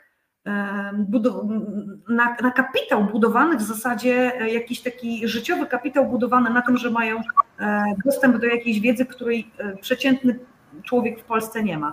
No, to im się już też nie uda, bo jak widać, e, to zaufanie dla lekarzy się zmniejsza, no i sami sobie na to zapracowali, doprowadzając do tego, że, że im pacjentki po prostu e, umierają e, w męczarniach, nierzadko w szpitalach. Jak już jesteśmy przy tych lekarzach poszkodowanych, no to ja muszę Was zapytać o ten film, o tym się nie mówi. On tutaj zresztą już został jakby wspomniany w komentarzach i odbyła się dyskusja na ten A temat. Dominika, czy mogę jeszcze e, wtrącić Ci jedno słowo, bo powiedziałaś bardzo ważną rzecz, którą ja bym chciała nazwać i która powinna tutaj wybrzmieć. E, To przejmowanie, ta kolonizacja pewnych dziedzin życia społecznego e, przez zachodnią medycynę, to się nazywa medykalizacja. Medykalizacja aborcji jest bardzo silna, e, ale e, pragnę wszystkim przypomnieć, że przez całe lata, przez całe wieki aborcjami, porodami, opieką nad osobą w połogu i noworodkami wcale się nie zajmowali lekarze, tylko się zajmowały e, zielarki, wiedźmy, czyli te, które mają wiedzę, e, Akuszerki. to wcale nie byli lekarze, więc pomyślcie o tym, że naprawdę to, to jest nowy wymysł, że lekarze mają na to monopol. I warto tutaj dodać, jeśli mogę, bo wydaje nam się, że ten poród e, przez wieki był oczywiście taki przerażający, e, był ryzykiem śmierci. Oczywiście nadal jest, a był dużo większym, natomiast e, to nie jest tak, że kiedy poród e, przeszedł w obszar medycyny, to ta śmiertelność się zmniejszyła. Ona się niestety zwiększyła, dlatego że lekarze przez wieki nie znali antyseptyki, a później e, kiedy pojawiły się pierwsze informacje o tym, że być może dobrze byłoby myć ręce wychodząc z prosektorium, zanim pójdzie się przyjąć poród, e, oni jeszcze przez kilkadziesiąt lat nie przyjmowali tego do wiadomości, mimo że mieli na to dowody. Więc i to jest fakt historyczny, warto pogrzebać e, za, tą informacją. Więc e, tak, oczywiście, możemy teraz mówić, że kiedy babki zajmowały się aborcjami, to były wieki ciemne, kiedy kobiety umierały. Tak, ale medycyna wcale nas nie przybliżyła do tego, żeby kobiety nie umierały. To najpierw musieliśmy jeszcze złamać e, tą pychę lekarzy i samozadowolenie. I to zajęło jeszcze wiele lat i wymagało jeszcze wielu żyć e, osób e, z macicami w ogóle osób pacjenckich. Mhm. No, ale żeby oddać sprawiedliwość, są w tym nowym pokoleniu lekarskim osoby, które się już wyraźnie e, opowiadają po stronie pacjentek, e, osób pacjenckich, e, które potrzebują wsparcia i są chociażby lekarki pro-abo, oficjalnie lekarki pro-abo. Coraz więcej takich młodych osób jest na każdy kolejny apel, który gdzieś tam przez e, Federę, Feminotekę, inne organizacje jest rzucane w eter, żeby się e, sieciować. Pojawiają się kolejne, coraz młodsze osoby e, lekarskie, które chcą pomagać, chcą się uczyć, które e, chcą się uczyć robić aborcji, e, robić aborcję od aborcjonistek, bo faktycznie mówią o tym wprost, że się na studiach tego absolutnie nie nauczą. Są osoby, które już zaczynają wyjeżdżać za granicę, żeby tam się uczyć. E, To jest, to jest budzące jakąś nadzieję, że to wszystko e, jakoś e, się unormuje prędzej czy później. E, No ale póki co e, jeszcze musimy się z tym starszym pokoleniem, proszę mnie e, zrozumieć, tu nie chodzi o jakiś ageism, no ale jednak no, to jest kwestia pokoleniowa, tak, z tym starszym pokoleniem, e, z jakimś takim zasiedziałym w tym patriarchacie w ginekologii, em, przez jakiś jeszcze czas będziemy się musiały mierzyć. No i ten film właśnie e, o tym między innymi jest. Ja jeszcze tutaj tylko z takim organizacyjnym pytaniem, bo szkoda mi naprawdę każdej minuty, ale też zdaję sobie sprawę z tego, że wasza wytrzymałość jest taka jak każdego innego człowieka. Czy wy byście chciały zrobić przerwę teraz no bo przegapiłyśmy ten moment po 22, kiedy standardowo tutaj w programie dajemy chwilę oddechu i, e, i gościom, i, e, i widzom, i widzkom. E, jak myślicie, czy, czy, czy, czy mamy jeszcze siłę, żeby do końca do 23 już bez przerwy dociągnąć? Iwonka, ja jak ty sądzisz? Ja mam siłę. Gotow? Tak, ja tak. Myślę, okay, no to super. No, i, wiecie, to jest ten temat, który po prostu nam takiego daje kopa, że chyba mogłybyśmy jeszcze i z godziny pewnie y, na ten temat. Za mało jest uświadamiających rozmów, pisze Gosza, bardzo tutaj aktywna osoba na naszym czacie dzisiaj.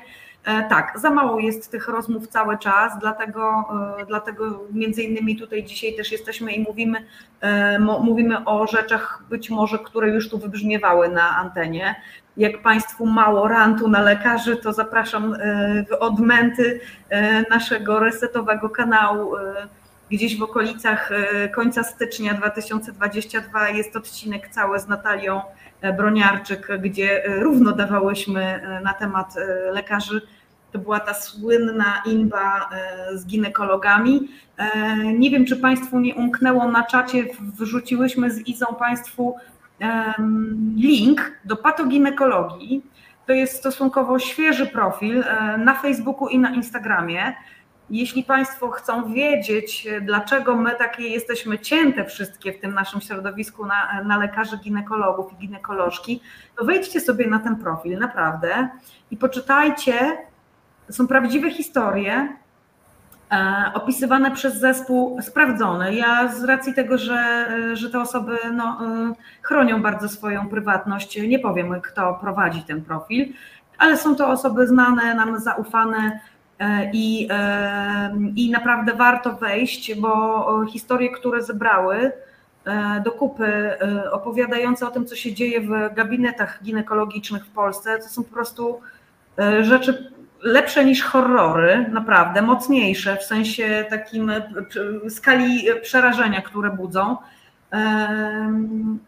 Rzeczy absolutnie obrzydliwe czasami, wulgarne, pokazujące totalny brak szacunku, pokazujący jak naprawdę głęboko ta mizoginia jest zinternalizowana w całym tym środowisku, nienawiść do kobiet jak głęboko i brak szacunku dla kobiet jak głęboko jest w tym, w tym środowisku zakorzeniony. Jeżeli wejdziecie tam naprawdę i przeczytacie pierwsze trzy, cztery z, z brzegu historie, poczytacie te teksty, którymi e, kobiety są częstowane e, w gabinetach, będziecie wiedzieli naprawdę o czym my tutaj rozmawiamy. O ciążach i o aborcji też się tam dużo, dużo mówi. No i jakby wracając tutaj jeszcze dziewczyny do tego filmu, który już został, został wspomniany wcześniej, o tym się nie mówi. Dlaczego ten film jest tak bardzo zły? Ja tutaj bardzo bym też chciała, żeby to wybrzmiało z racji tego, że w styczniu przed z lekarzami, słuchajcie, naprawdę, 6 stycznia pamiętam, bo to był pierwszy program w nowym roku, była u mnie tutaj ekipa, o tym się nie mówi, na etapie, kiedy tego filmu jeszcze nie było, dopiero zaczynali zbierać kasę. To jakieś... piękne czasy, jak tego filmu jeszcze nie było. E, ja Wam się przyznam, tylko mnie tutaj nie zlinczujcie, że ja e, przez kilka miesięcy współpracowałam z tą ekipą. Na etapie, kiedy to jeszcze miał być film robiony e, we współpracy ze środowiskami pro-choice i pro-abo i, i ze strajkiem kobiet. I przecież jakby była aktywistka strajku się za to wzięła no, grubo się zrobiło w pewnym momencie, e, więc ja z hukiem odeszłam z tej grupy, która tam e, koncepcyjnie pracowała nad tym, co potem zostało faktycznie za pieniądze z naszej bańki aktywistycznej zrealizowane, no bo kto, kto na ten film wpłacał? No przecież osoby, którym zależało na tym, żeby dobry film o, e, o pseudowyroku powstał. Między innymi tutaj Państwo z Resetu też grosz dorzucili E, dlatego od dwóch tygodni raportuję o tym, co się w sprawie dzieje, bo przecież i na kongresie się wydarzyło, i tutaj oświadczenia pani producentki wykonawczej, i groźba pozwu dla, dla e, Marty Lepard, Natalii Broniarczyk, e, które udzieliły wywiadu na temat tego filmu, no, się pojawiła. Dlaczego ten film jest zły? Dlaczego, dlaczego tak duży był opór środowiska walczącego o dostęp do legalnej aborcji i jakby skąd skala tej reakcji po prostu się wzięła? Ja wiem, że nie dla wszystkich z Państwa, którzy nas dzisiaj oglądają i słuchają, to jest jasne. Dlaczego, dlaczego jakby kładziemy tak duży nacisk na to, co jest niedobre w tym filmie, nie widząc jakichś pozytywów, że w ogóle powstał film i tak dalej.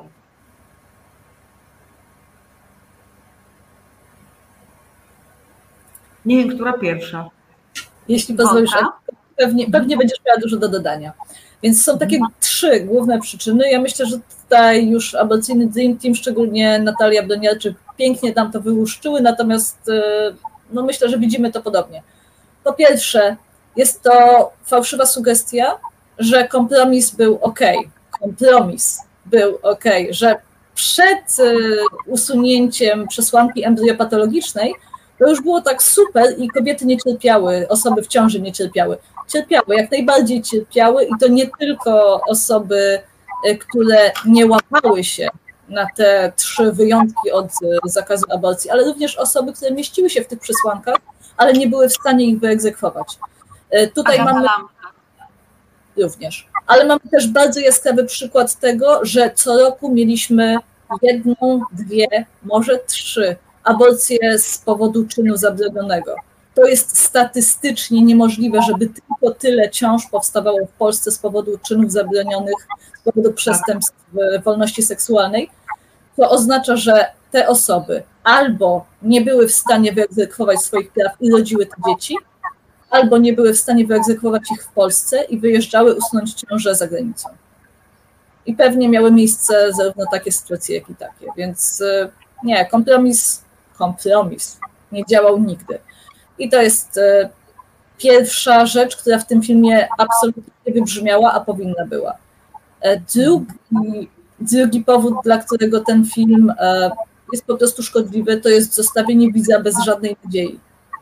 E, w filmie dowiemy się gdzieś pobocznie, że dwie z kobiet w ciążach embryopatologicznych wyjechały do Holandii, żeby usunąć swoje ciąże.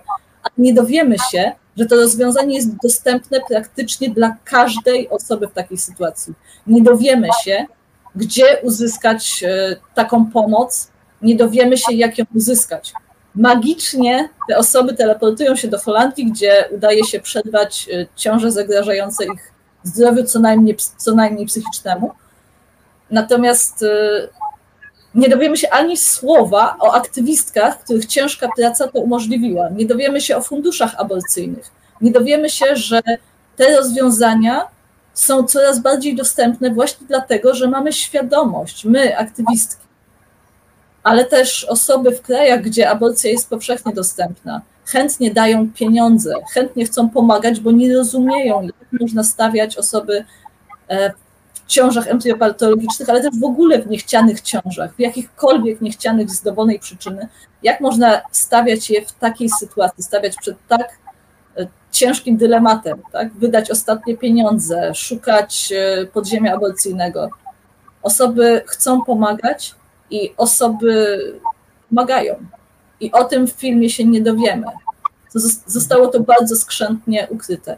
No i trzecia przewina, prawdopodobnie wynikająca z tego, że głównym bohaterem tego filmu, we wszystkim materiałom reklamowym, nie są osoby w tych ciążach embryopatologicznych, nie są pary, które dotknęła tak, takie nieszczęście. Nawet nie są te nieszczęsne płody, którym przyszło umrzeć w straszliwych okolicznościach. Nie bohaterem tego filmu są lekarze.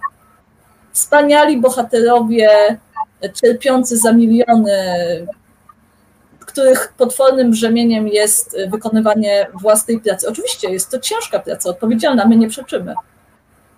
Ale oglądanie, jak lekarze opowiadają o swoim straszliwym cierpieniu, kiedy wiemy, że cierpienie dotyka osób w ciąży. One są tutaj główną bohaterką, głównym bohaterem, najważniejszą osobą, centralną, tą, nad którą my, aktywistki, się pochylamy, którą my staramy się otoczyć opieką, dla której my szukamy otwartych drzwi, albo je wyważamy, jeśli trzeba. Dowiadujemy się tutaj, że lekarze są jedynie ofiarami. Oni się do tych cierpień nie, nie tyle nie przyczyniają, oni w ogóle, gdyby tylko mogli, zdjęliby te cierpienia z, z ramion swoich pacjentek, jak za dotknięciem magicznej różdżki. W tej opowieści nie ma miejsca na odmowę aborcji wobec Alicji Tysiąc. W tej opowieści nie ma miejsca na Agatę Lemczak, która miesiącami, powtarzam, miesiącami w trzech bodajże szpitalach nie uzyskała pomocy. Była w stanie coraz bliższym zagrożenia, bezpośredniego zagrożenia życia i nikt, nikt jej nie pomógł i nikt, nikt jej nie powiedział, że słuchaj, być może mogłabyś uzyskać pomoc za granicą, być może mogłabyś uzyskać pomoc od środowisk aborcyjnych, skoro tutaj nikt nie, nie chce ci pomóc. Nie mówiąc już o tym, że ona miała e, absolutnie ustawowe prawo do, do aborcji w swojej sytuacji. Więc e, jest to opo- e, Słyszałyśmy, słyszałyśmy tłumaczenia twórców filmu, że jest to opowieść niepewna, niepewna, jest to opowieść o pewnym wycinku. Natomiast jest to wycinek bardzo zgrabnie przycięty, bardzo celowo przycięty, bardzo z myślą o wybieleniu środowiska lekarskiego, przedstawieniu go w jak najlepszym świetle, przedstawieniu go jako bohaterskiego. W dyskusji po filmie usłyszałyśmy, że najbardziej e, odważnymi aktywistami w Polsce są właśnie lekarze e, grający w tym filmie. Naprawdę nie wiedziałyśmy, czy się śmiać, czy płakać. My, które codziennie dostajemy hejt, my, które codziennie przyjmujemy wiadomości od osób szukających pomocy w aborcji i w tych aborcjach pomagamy. Naprawdę nie wiem, jak była w stanie słuchać tego spokojnie Natalia Broniarczyk i nie wyjść ostentacyjnie z sali. Naprawdę ją podziwiam w tamtym momencie. Myślę, że to tyle ode mnie, Agatko. Jeśli chcesz coś dodać, zostawiam Ci wizję. Iwonka, bardzo Ci dziękuję. Nie wiem, czy mogę coś dodać do tego, co, bo bardzo pięknie to powiedziałaś, zwłaszcza o tym zgrabnie przyciętym wycinku rzeczywistości. No to jest absolutnie żenujące, żeby środowisko lekarskie stawiać w roli tutaj jakichś poszkodowanych, jakichś ofiar czegokolwiek, bo gdzie oni ponoszą te koszty? Gdzie? Gdzie są ci lekarze, którzy wychodzą na ulicę i mówią, że ja chcę robić aborcję? Nie, oni wychodzą i mówią, no ja to mogę zrobić, ale do dziewiątego, no dobra, do dwunastego tygodnia, no to okej, okay, a później to, później to już nie, później to już nie chcę. No to no to o co tutaj chodzi? Oni nie chcą robić tych aborcji, więc gdzie jest tutaj, gdzie jest tutaj problem? Nie chcą robić aborcji, prawo im gwarantuje to, że robić ich nie muszą. W związku z tym.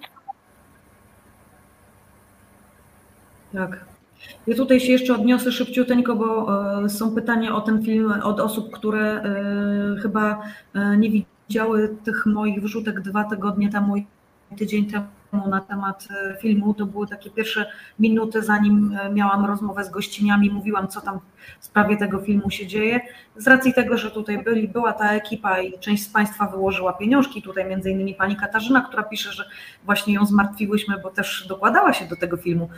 To było, proszę Państwa, jedno z założeń, program, takie z założeń programowych tej ekipy, Pierwszy etap to było zbiórka pieniędzy na ten film i e, no wiadomo, że zbieramy wśród osób, które e, są pro-abo, tak, e, po to, żeby z tym wyjść do tych osób, które są anty, przeciwko wyborowi. No i takie założenie było owszem dosyć karkołomne, żeby pokazać ten najbardziej szokujący jakby kawałek, wycinek, no ale proszę Państwa, no, było to powiedziane też w ten sposób, że to będzie pokazane w ten sposób, że nie będzie szkodziło E, jakby ogólnie postulatowi legalnej aborcji.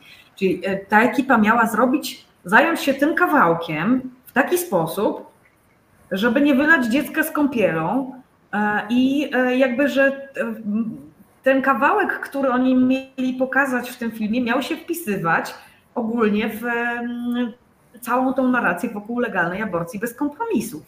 Miało to podbijać pewne, e, pewne rzeczy, które były w czasie kampanii Legalna Aborcja bez kompromisów e, powiedziane, a nie strzelać w stopę po prostu temu postulatowi, bo to tak naprawdę, proszę Państwa, nie chodzi o to, że się jakieś osoby ze sobą pokłóciły, to naprawdę nie o to chodzi, że ktoś się z kimś już nie lubi, bo ktoś zrobił film, tam ktoś, ktoś z kimś e, się postraszył pozwem, tak? To, to nie jest na tym, na tym poziomie, to jest na poziomie naprawdę E, koncepcji legalność, legalności aborcji, tak? Albo pokazujemy to w taki sposób, żeby nie zaszkodzić i nie, nie jakby no, nie niweczyć wysiłku wielu lat pracy tych osób, które walczą o tą legalną aborcję w Polsce, no albo robimy to w taki sposób partacki, jak to zostało zrobione po prostu. No i faktycznie strzelamy w stopę wszystkim osobom, plujemy w twarz więcej. Tu cytuję dziewczyny akurat z forum strajku. To jest, że, że to, co, to, co powstało, to jest naplucie w twarz, uderzenie po prostu w twarz z liścia, jak to się mówi, czy kopnięcie w jaja, kopnięcie w żołądek osób, które gdzieś tam mają sprawy w sądzie, mają represje za to, że protestowały na ulicach, tak? Walcząc o legalną aborcję, a teraz jedna z osób, które tam protestowały na ulicy, która promowała legalną aborcję bez kompromisów, nagle wypuszcza coś takiego. Dla tych z Państwa, którzy, którzy jakby przegapili te, te, te aktualizacje na temat tego filmu, naprawdę w, w, w telegraficznym skrócie. Miał być dobry film wpisujący się w labek, okazało się, że jest film, który absolutnie po prostu sieje dezinformację, bo tam pojawiło się kilka z gruntu fałszywych stwierdzeń na temat aborcji. W ustach lekarza na dodatek te, te, te słowa, z ust lekarza padły te słowa, czyli lekarze, którzy tutaj są jako eksperci, sieją dezinformację na temat, na temat aborcji, utrwalają aborcyjną stygmę. Padło tam po prostu tyle rzeczy, z którymi my walczymy, żeby ludzie zrozumieli, że to tak nie jest, a oni tam po prostu walili te teksty, które gdzieś tam dezinformują i wprowadzają w błąd. Co prawda te fragmenty zostały w jakiejś tam części wycięte, wycięte po interwencji, bo ileś osób ten film po prostu zobaczyło i była tak, tak intensywna i tak gwałtowna reakcja środowiska, że, że jednak tutaj autorzy tego filmu zdecydowali się wyciąć kilka rzeczy, które były absolutnie kłamstwami po prostu na temat aborcji. Wmontowali jakieś mądrzejsze wypowiedzi, do, domontowali, przemontowali nieco ten film, Natomiast paskudne jest to, jak, jak w jakiej niefajnej atmosferze się to odbyło. Powiem szczerze, mnie absolutnie bolą kłamstwa, które na temat tutaj tego się, się ukazały, bo i reżyser w wywiadzie grubo skłamał, co ja, no, jak będzie trzeba, to będę w sądzie zeznawać, że grubo skłamał na temat tego, jak to miało być. Wiecie, jakieś takie odbijanie pałeczki i, i, i zrzucanie winy na osoby aktywistyczne, które coś nielegalnie nagrały. Wiecie, epatowanie takimi słowami, że ktoś coś ukradł, własność intelektualną, tam coś nielegalnie nagrał, upowszechnił, straszenie pozwami, to jest takie sprawianie wrażenia, że to te osoby aktywistyczne zrobiły coś niehalo, tak? Natomiast no to tutaj ta ekipa broni się w ten sposób, no bo umówmy się, zebrali pieniądze na zbiórce, każdy, kto wpłacił pieniążki na taką zbiórkę, może taką darowiznę wycofać. Pojawił się taki post na, na, na profilu strajku na temat tego, że każda osoba, która będzie chciała wycofać darowiznę, bo jej się nie podoba to, co zostało stworzone za jej pieniądze, no to może się tam zgłaszać do strajku. I w zasadzie za to zostały dziewczyny zaatakowane na kongresie kobiet gdzieś w kuluarach na korytarzu. Przyszło co do czego, to się okazało, że chodzi o to, o co chodzi zawsze, czyli Pozew jest w zasadzie po to, żeby skończyć dyskusję na temat tych darowizn, no bo musieliby może jakąś część tej kasy po prostu oddać. Więc zobaczymy, jak to się wszystko faktycznie skończy. Presja ma sens o tyle, że ten film już jest w innej, w innej, w innej formie po prostu pokazywany. Niemniej jednak brzydkie jest to kłamstwo wokół takie roztaczane, że gdzieś aktywistki oglądały coś nielegalnie upowszechnione, jakąś pierwszą wersję, która wcale nie była ostateczna. No, ja oglądałam akurat jako jedna z pierwszych ten film i, i pierwsza w strajku, więc wiem dokładnie, że to był ten film, który potem został wysłany chociażby na kongres, bo z tego co wiem, to profesor Środa dokładnie tą samą wersję oglądała, którą osoby aktywistyczne z ADT czy ze strajku. No niefajne, niefajne rzeczy się przy okazji tego wydarzyły. Znowu taka, no taki smrodek się trochę ciągnie, tak?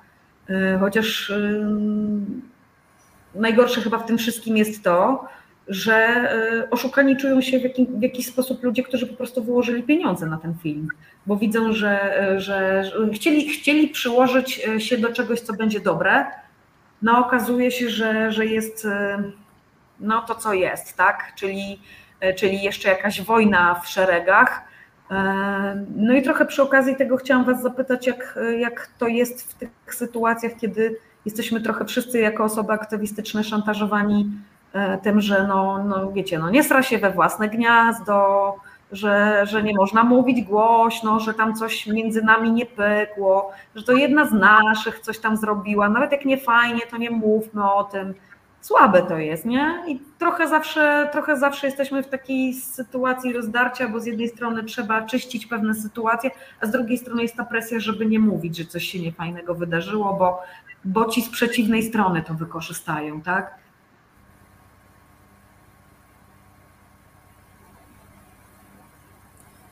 więc tu odnosząc się bezpośrednio do tej sytuacji, później pójdziemy troszkę szerzej, chciałam tylko powiedzieć, że aktywistki proaborcyjne od początku bardzo chętne do wszelkich konsultacji. To nie jest tak, że biedni lekarze zostali sami e, z tym filmem i zrobili co byli w stanie. Można było spokojnie na każdym etapie konsultować to, e, czy z nami, czy z osobami, które się zdają na temacie jeszcze, jeszcze lepiej, dużo lepiej, bo zdają go dużo bliżej, tak? Z ADT, z aborcją bez granic. Te osoby z przyjemnością udzieliłyby tych samych uwag, a może mniej kąśliwych, dużo wcześniej i można było od razu wypuścić wersję filmu, która byłaby do przyjęcia dla wszystkich. Natomiast no, tu jest po prostu tak. konsekwencja decyzji, świadomej decyzji, żeby z tych konsultacji nie skorzystać żeby pewnych osób do produkcji nie zapraszać e, i pewnym osobom nie udzielać głosu. No i myślamy się, że to są po prostu, e, przyczyną tego jest po prostu to, że aktywistki mają odwagę mówić o winach lekarzy i nie zgodziłyby się na ich ukrywanie w tym filmie. Mamy, mhm. mamy świadomość od naszego e, słynnego rantu na lekarzy mieniących się przyjaciółmi kobiet, mamy świadomość, że lekarze nie są naszymi przyjaciółmi. Na nasze tak. pytanie o to, czy popierają aborcję bez ograniczeń, aborcję na życzenie e, ciężarnej osoby, a nie aborcję według ustawy, czy według lekarza, czy według jakiegoś e, gremium, e, albo odpowiadano nam wykrętnie, albo wcale nie odpowiadano, albo wręcz grożono pozwami za niesławienie. Więc mamy świadomość, że to nie są nasi przyjaciele gdyby przyszli e, rozmawiać o tym filmie, to usłyszeliby od razu od nas surową krytykę. Co oczywiście dałoby im szansę uniknąć tych wszystkich przykrości, które się już wydarzyły. Natomiast mhm. E, Agatko, czy chciałabyś opowiedzieć e, szerzej o naszej polityce tutaj współpracy z innymi organizacjami? Um, cóż ja mogę o tym powiedzieć? Generalnie, jeśli chodzi o to takie nierobienie do własnego gniazda, e, no to my mocno stoimy jednak po stronie e, takiej, że jeżeli e, jakaś osoba popełnia błąd, bo my wszystkie aktywistki, jak świat stoi, wszystkie jesteśmy ludźmi, osobami i te błędy popełniamy. Jeżeli osoba popełni błąd, zrobi jakąś głupotę, osoba ze środowiska aktywistycznego, feministycznego, to my raczej jesteśmy na stanowisku, przegadajmy to gdzieś na privie, nie róbmy e, inby gdzieś tam e, od razu jakiegoś call-outu i tak dalej. E, po prostu napiszmy, hej, słuchaj, chyba, chyba nie do końca ci to wyszło, chyba, chyba tutaj popełniłaś błąd i pogadajmy o tym. Natomiast jeżeli komuś dzieje się krzywda, jeżeli osoba robi faktycznie coś naprawdę złego, no to my będziemy walić tą prawdą między oczy, bo no bo bo takie jest nasze stanowisko. Dziękuję bardzo. Nie, no dlatego, że e, pewne rzeczy po prostu e, nie przejdą. Pewne rzeczy nie przejdą. Nie przejdzie przemoc, e, nie przejdzie dyskryminacja i, i my będziemy to punktować. No tak, no jakaś granica musi być tej lojalności, tak? W momencie, kiedy jest lojalność, tutaj jakaś taka branżowa, powiedzmy, nie wiem, solidarność jajników, jak to tam potrafią nazwać różnie osoby, i jest jakaś tutaj lojalność, wzajemna sieć wsparcia, tak, ale no nie w momencie, kiedy ktoś po prostu robi coś, co jest nie w zgodzie z naszymi wartościami wszystkich, tak. Wtedy nie można pewnych rzeczy zamiatać pod dywan. Ja też jestem za tym, żeby po prostu pewne rzeczy nazywać w takich sytuacjach po imieniu. No i jeszcze chciałam powiedzieć o jednej sprawie, bo tutaj jak dzisiaj no, w zasadzie kończy nam się czas antenowy, ale jeszcze chociaż y, dosłownie dwa, trzy zdania na temat y, takich osób, które, które najbardziej dostają właśnie kopa w brzuch takimi filmami, jak o tym się nie mówi, czyli chociażby Justyna Wydrzyńska, cały kolektyw wcześniej wspomniany ADT, Natalia Broniarczyk, wszystkie osoby, które naprawdę, tak jak tutaj też Agata robią, y, te, te, pomagają w tych aborcjach, robią tą całą sieć wsparcia, ten film dostał pół miliona, słuchajcie, na to, żeby ci Państwo sobie potem jeździli i opowiadali, po prostu promowali. To jest e, jedna trzecia blisko tego, co aborcyjny Dream Team wydał e, przez cały rok na pomoc osobom e, w ciąży, czyli to jest naprawdę niebagatelna kwota. I trochę mam wrażenie, że jednak musimy jakoś odwrócić te proporcje bo potem są chociażby takie sytuacje jak kolejna sprawa Justyny, 30 osób pod sądem, zainteresowanie jakoś po prostu tutaj się rozpływa gdzieś.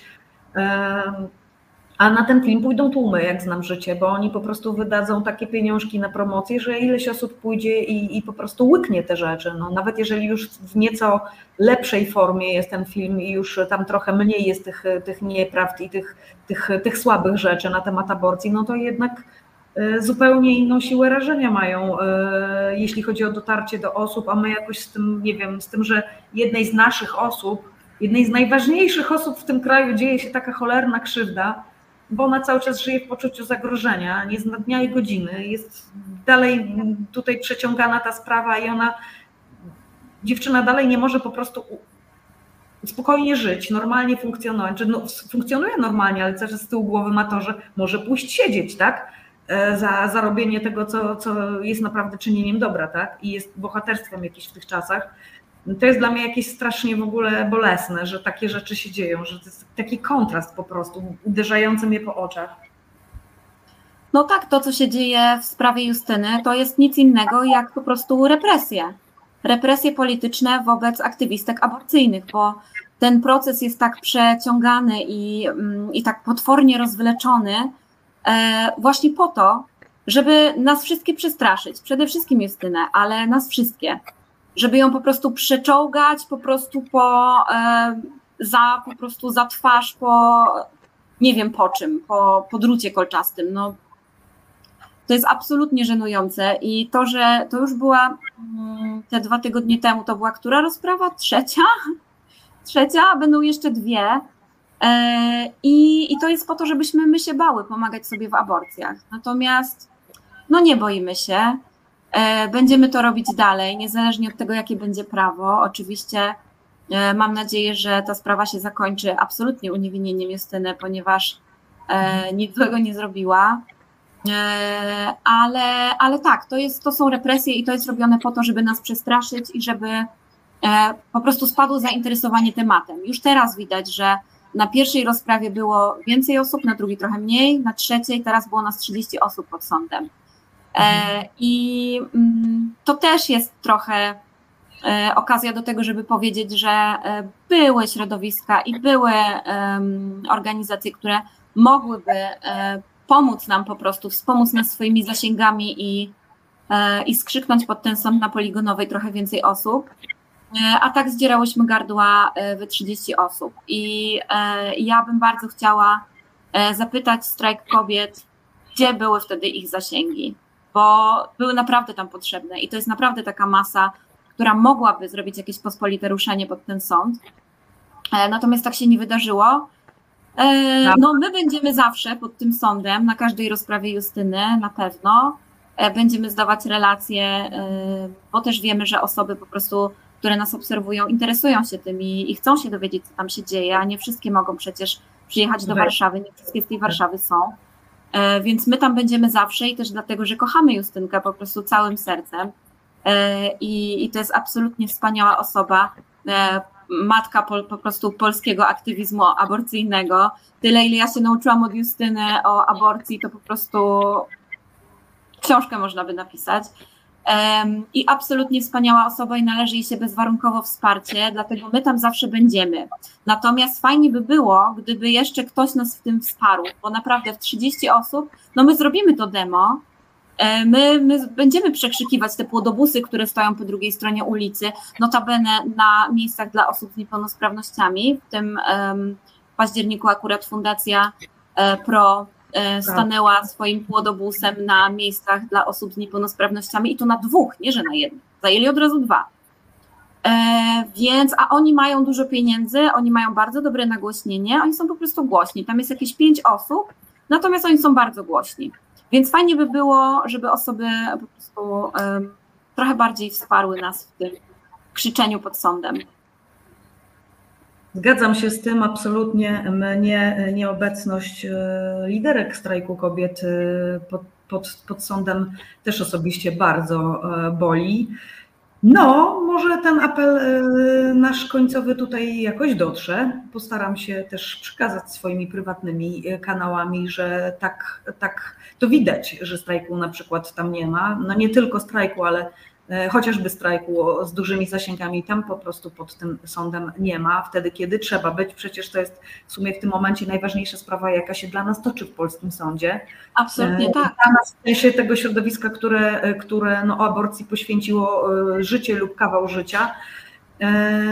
Trzymamy kciuki oczywiście za to, żeby ta sprawa się zakończyła sukcesem i, i, i uniewinnieniem Justyny. E, państwo tutaj na czacie piszą, że Justyna to zasługuje na film, a nie jacyś tam lekarze. Zgadzam się, może to jest jakiś pomysł. Zostawiam Państwa z tym. Jesteśmy już po czasie, więc naprawdę e, e, żegnam się z gościniami. Bardzo Wam dziękuję za ten czas dzisiaj wieczorem poświęcony. Mam nadzieję, że jeszcze do nas wrócicie. E, dziękuję Państwu za to, że byliście z nami e, i do samego końca tak aktywnie w komentarzach. E, szerujcie, udostępniajcie, lajkujcie, bo dzięki temu ta rozmowa dotrze do większej liczby osób jeszcze niż tutaj na żywo w tym momencie. Udostępniajcie. Piszą Wam tutaj osoby, kochamy Was. Kochamy Was, oczywiście, że tak.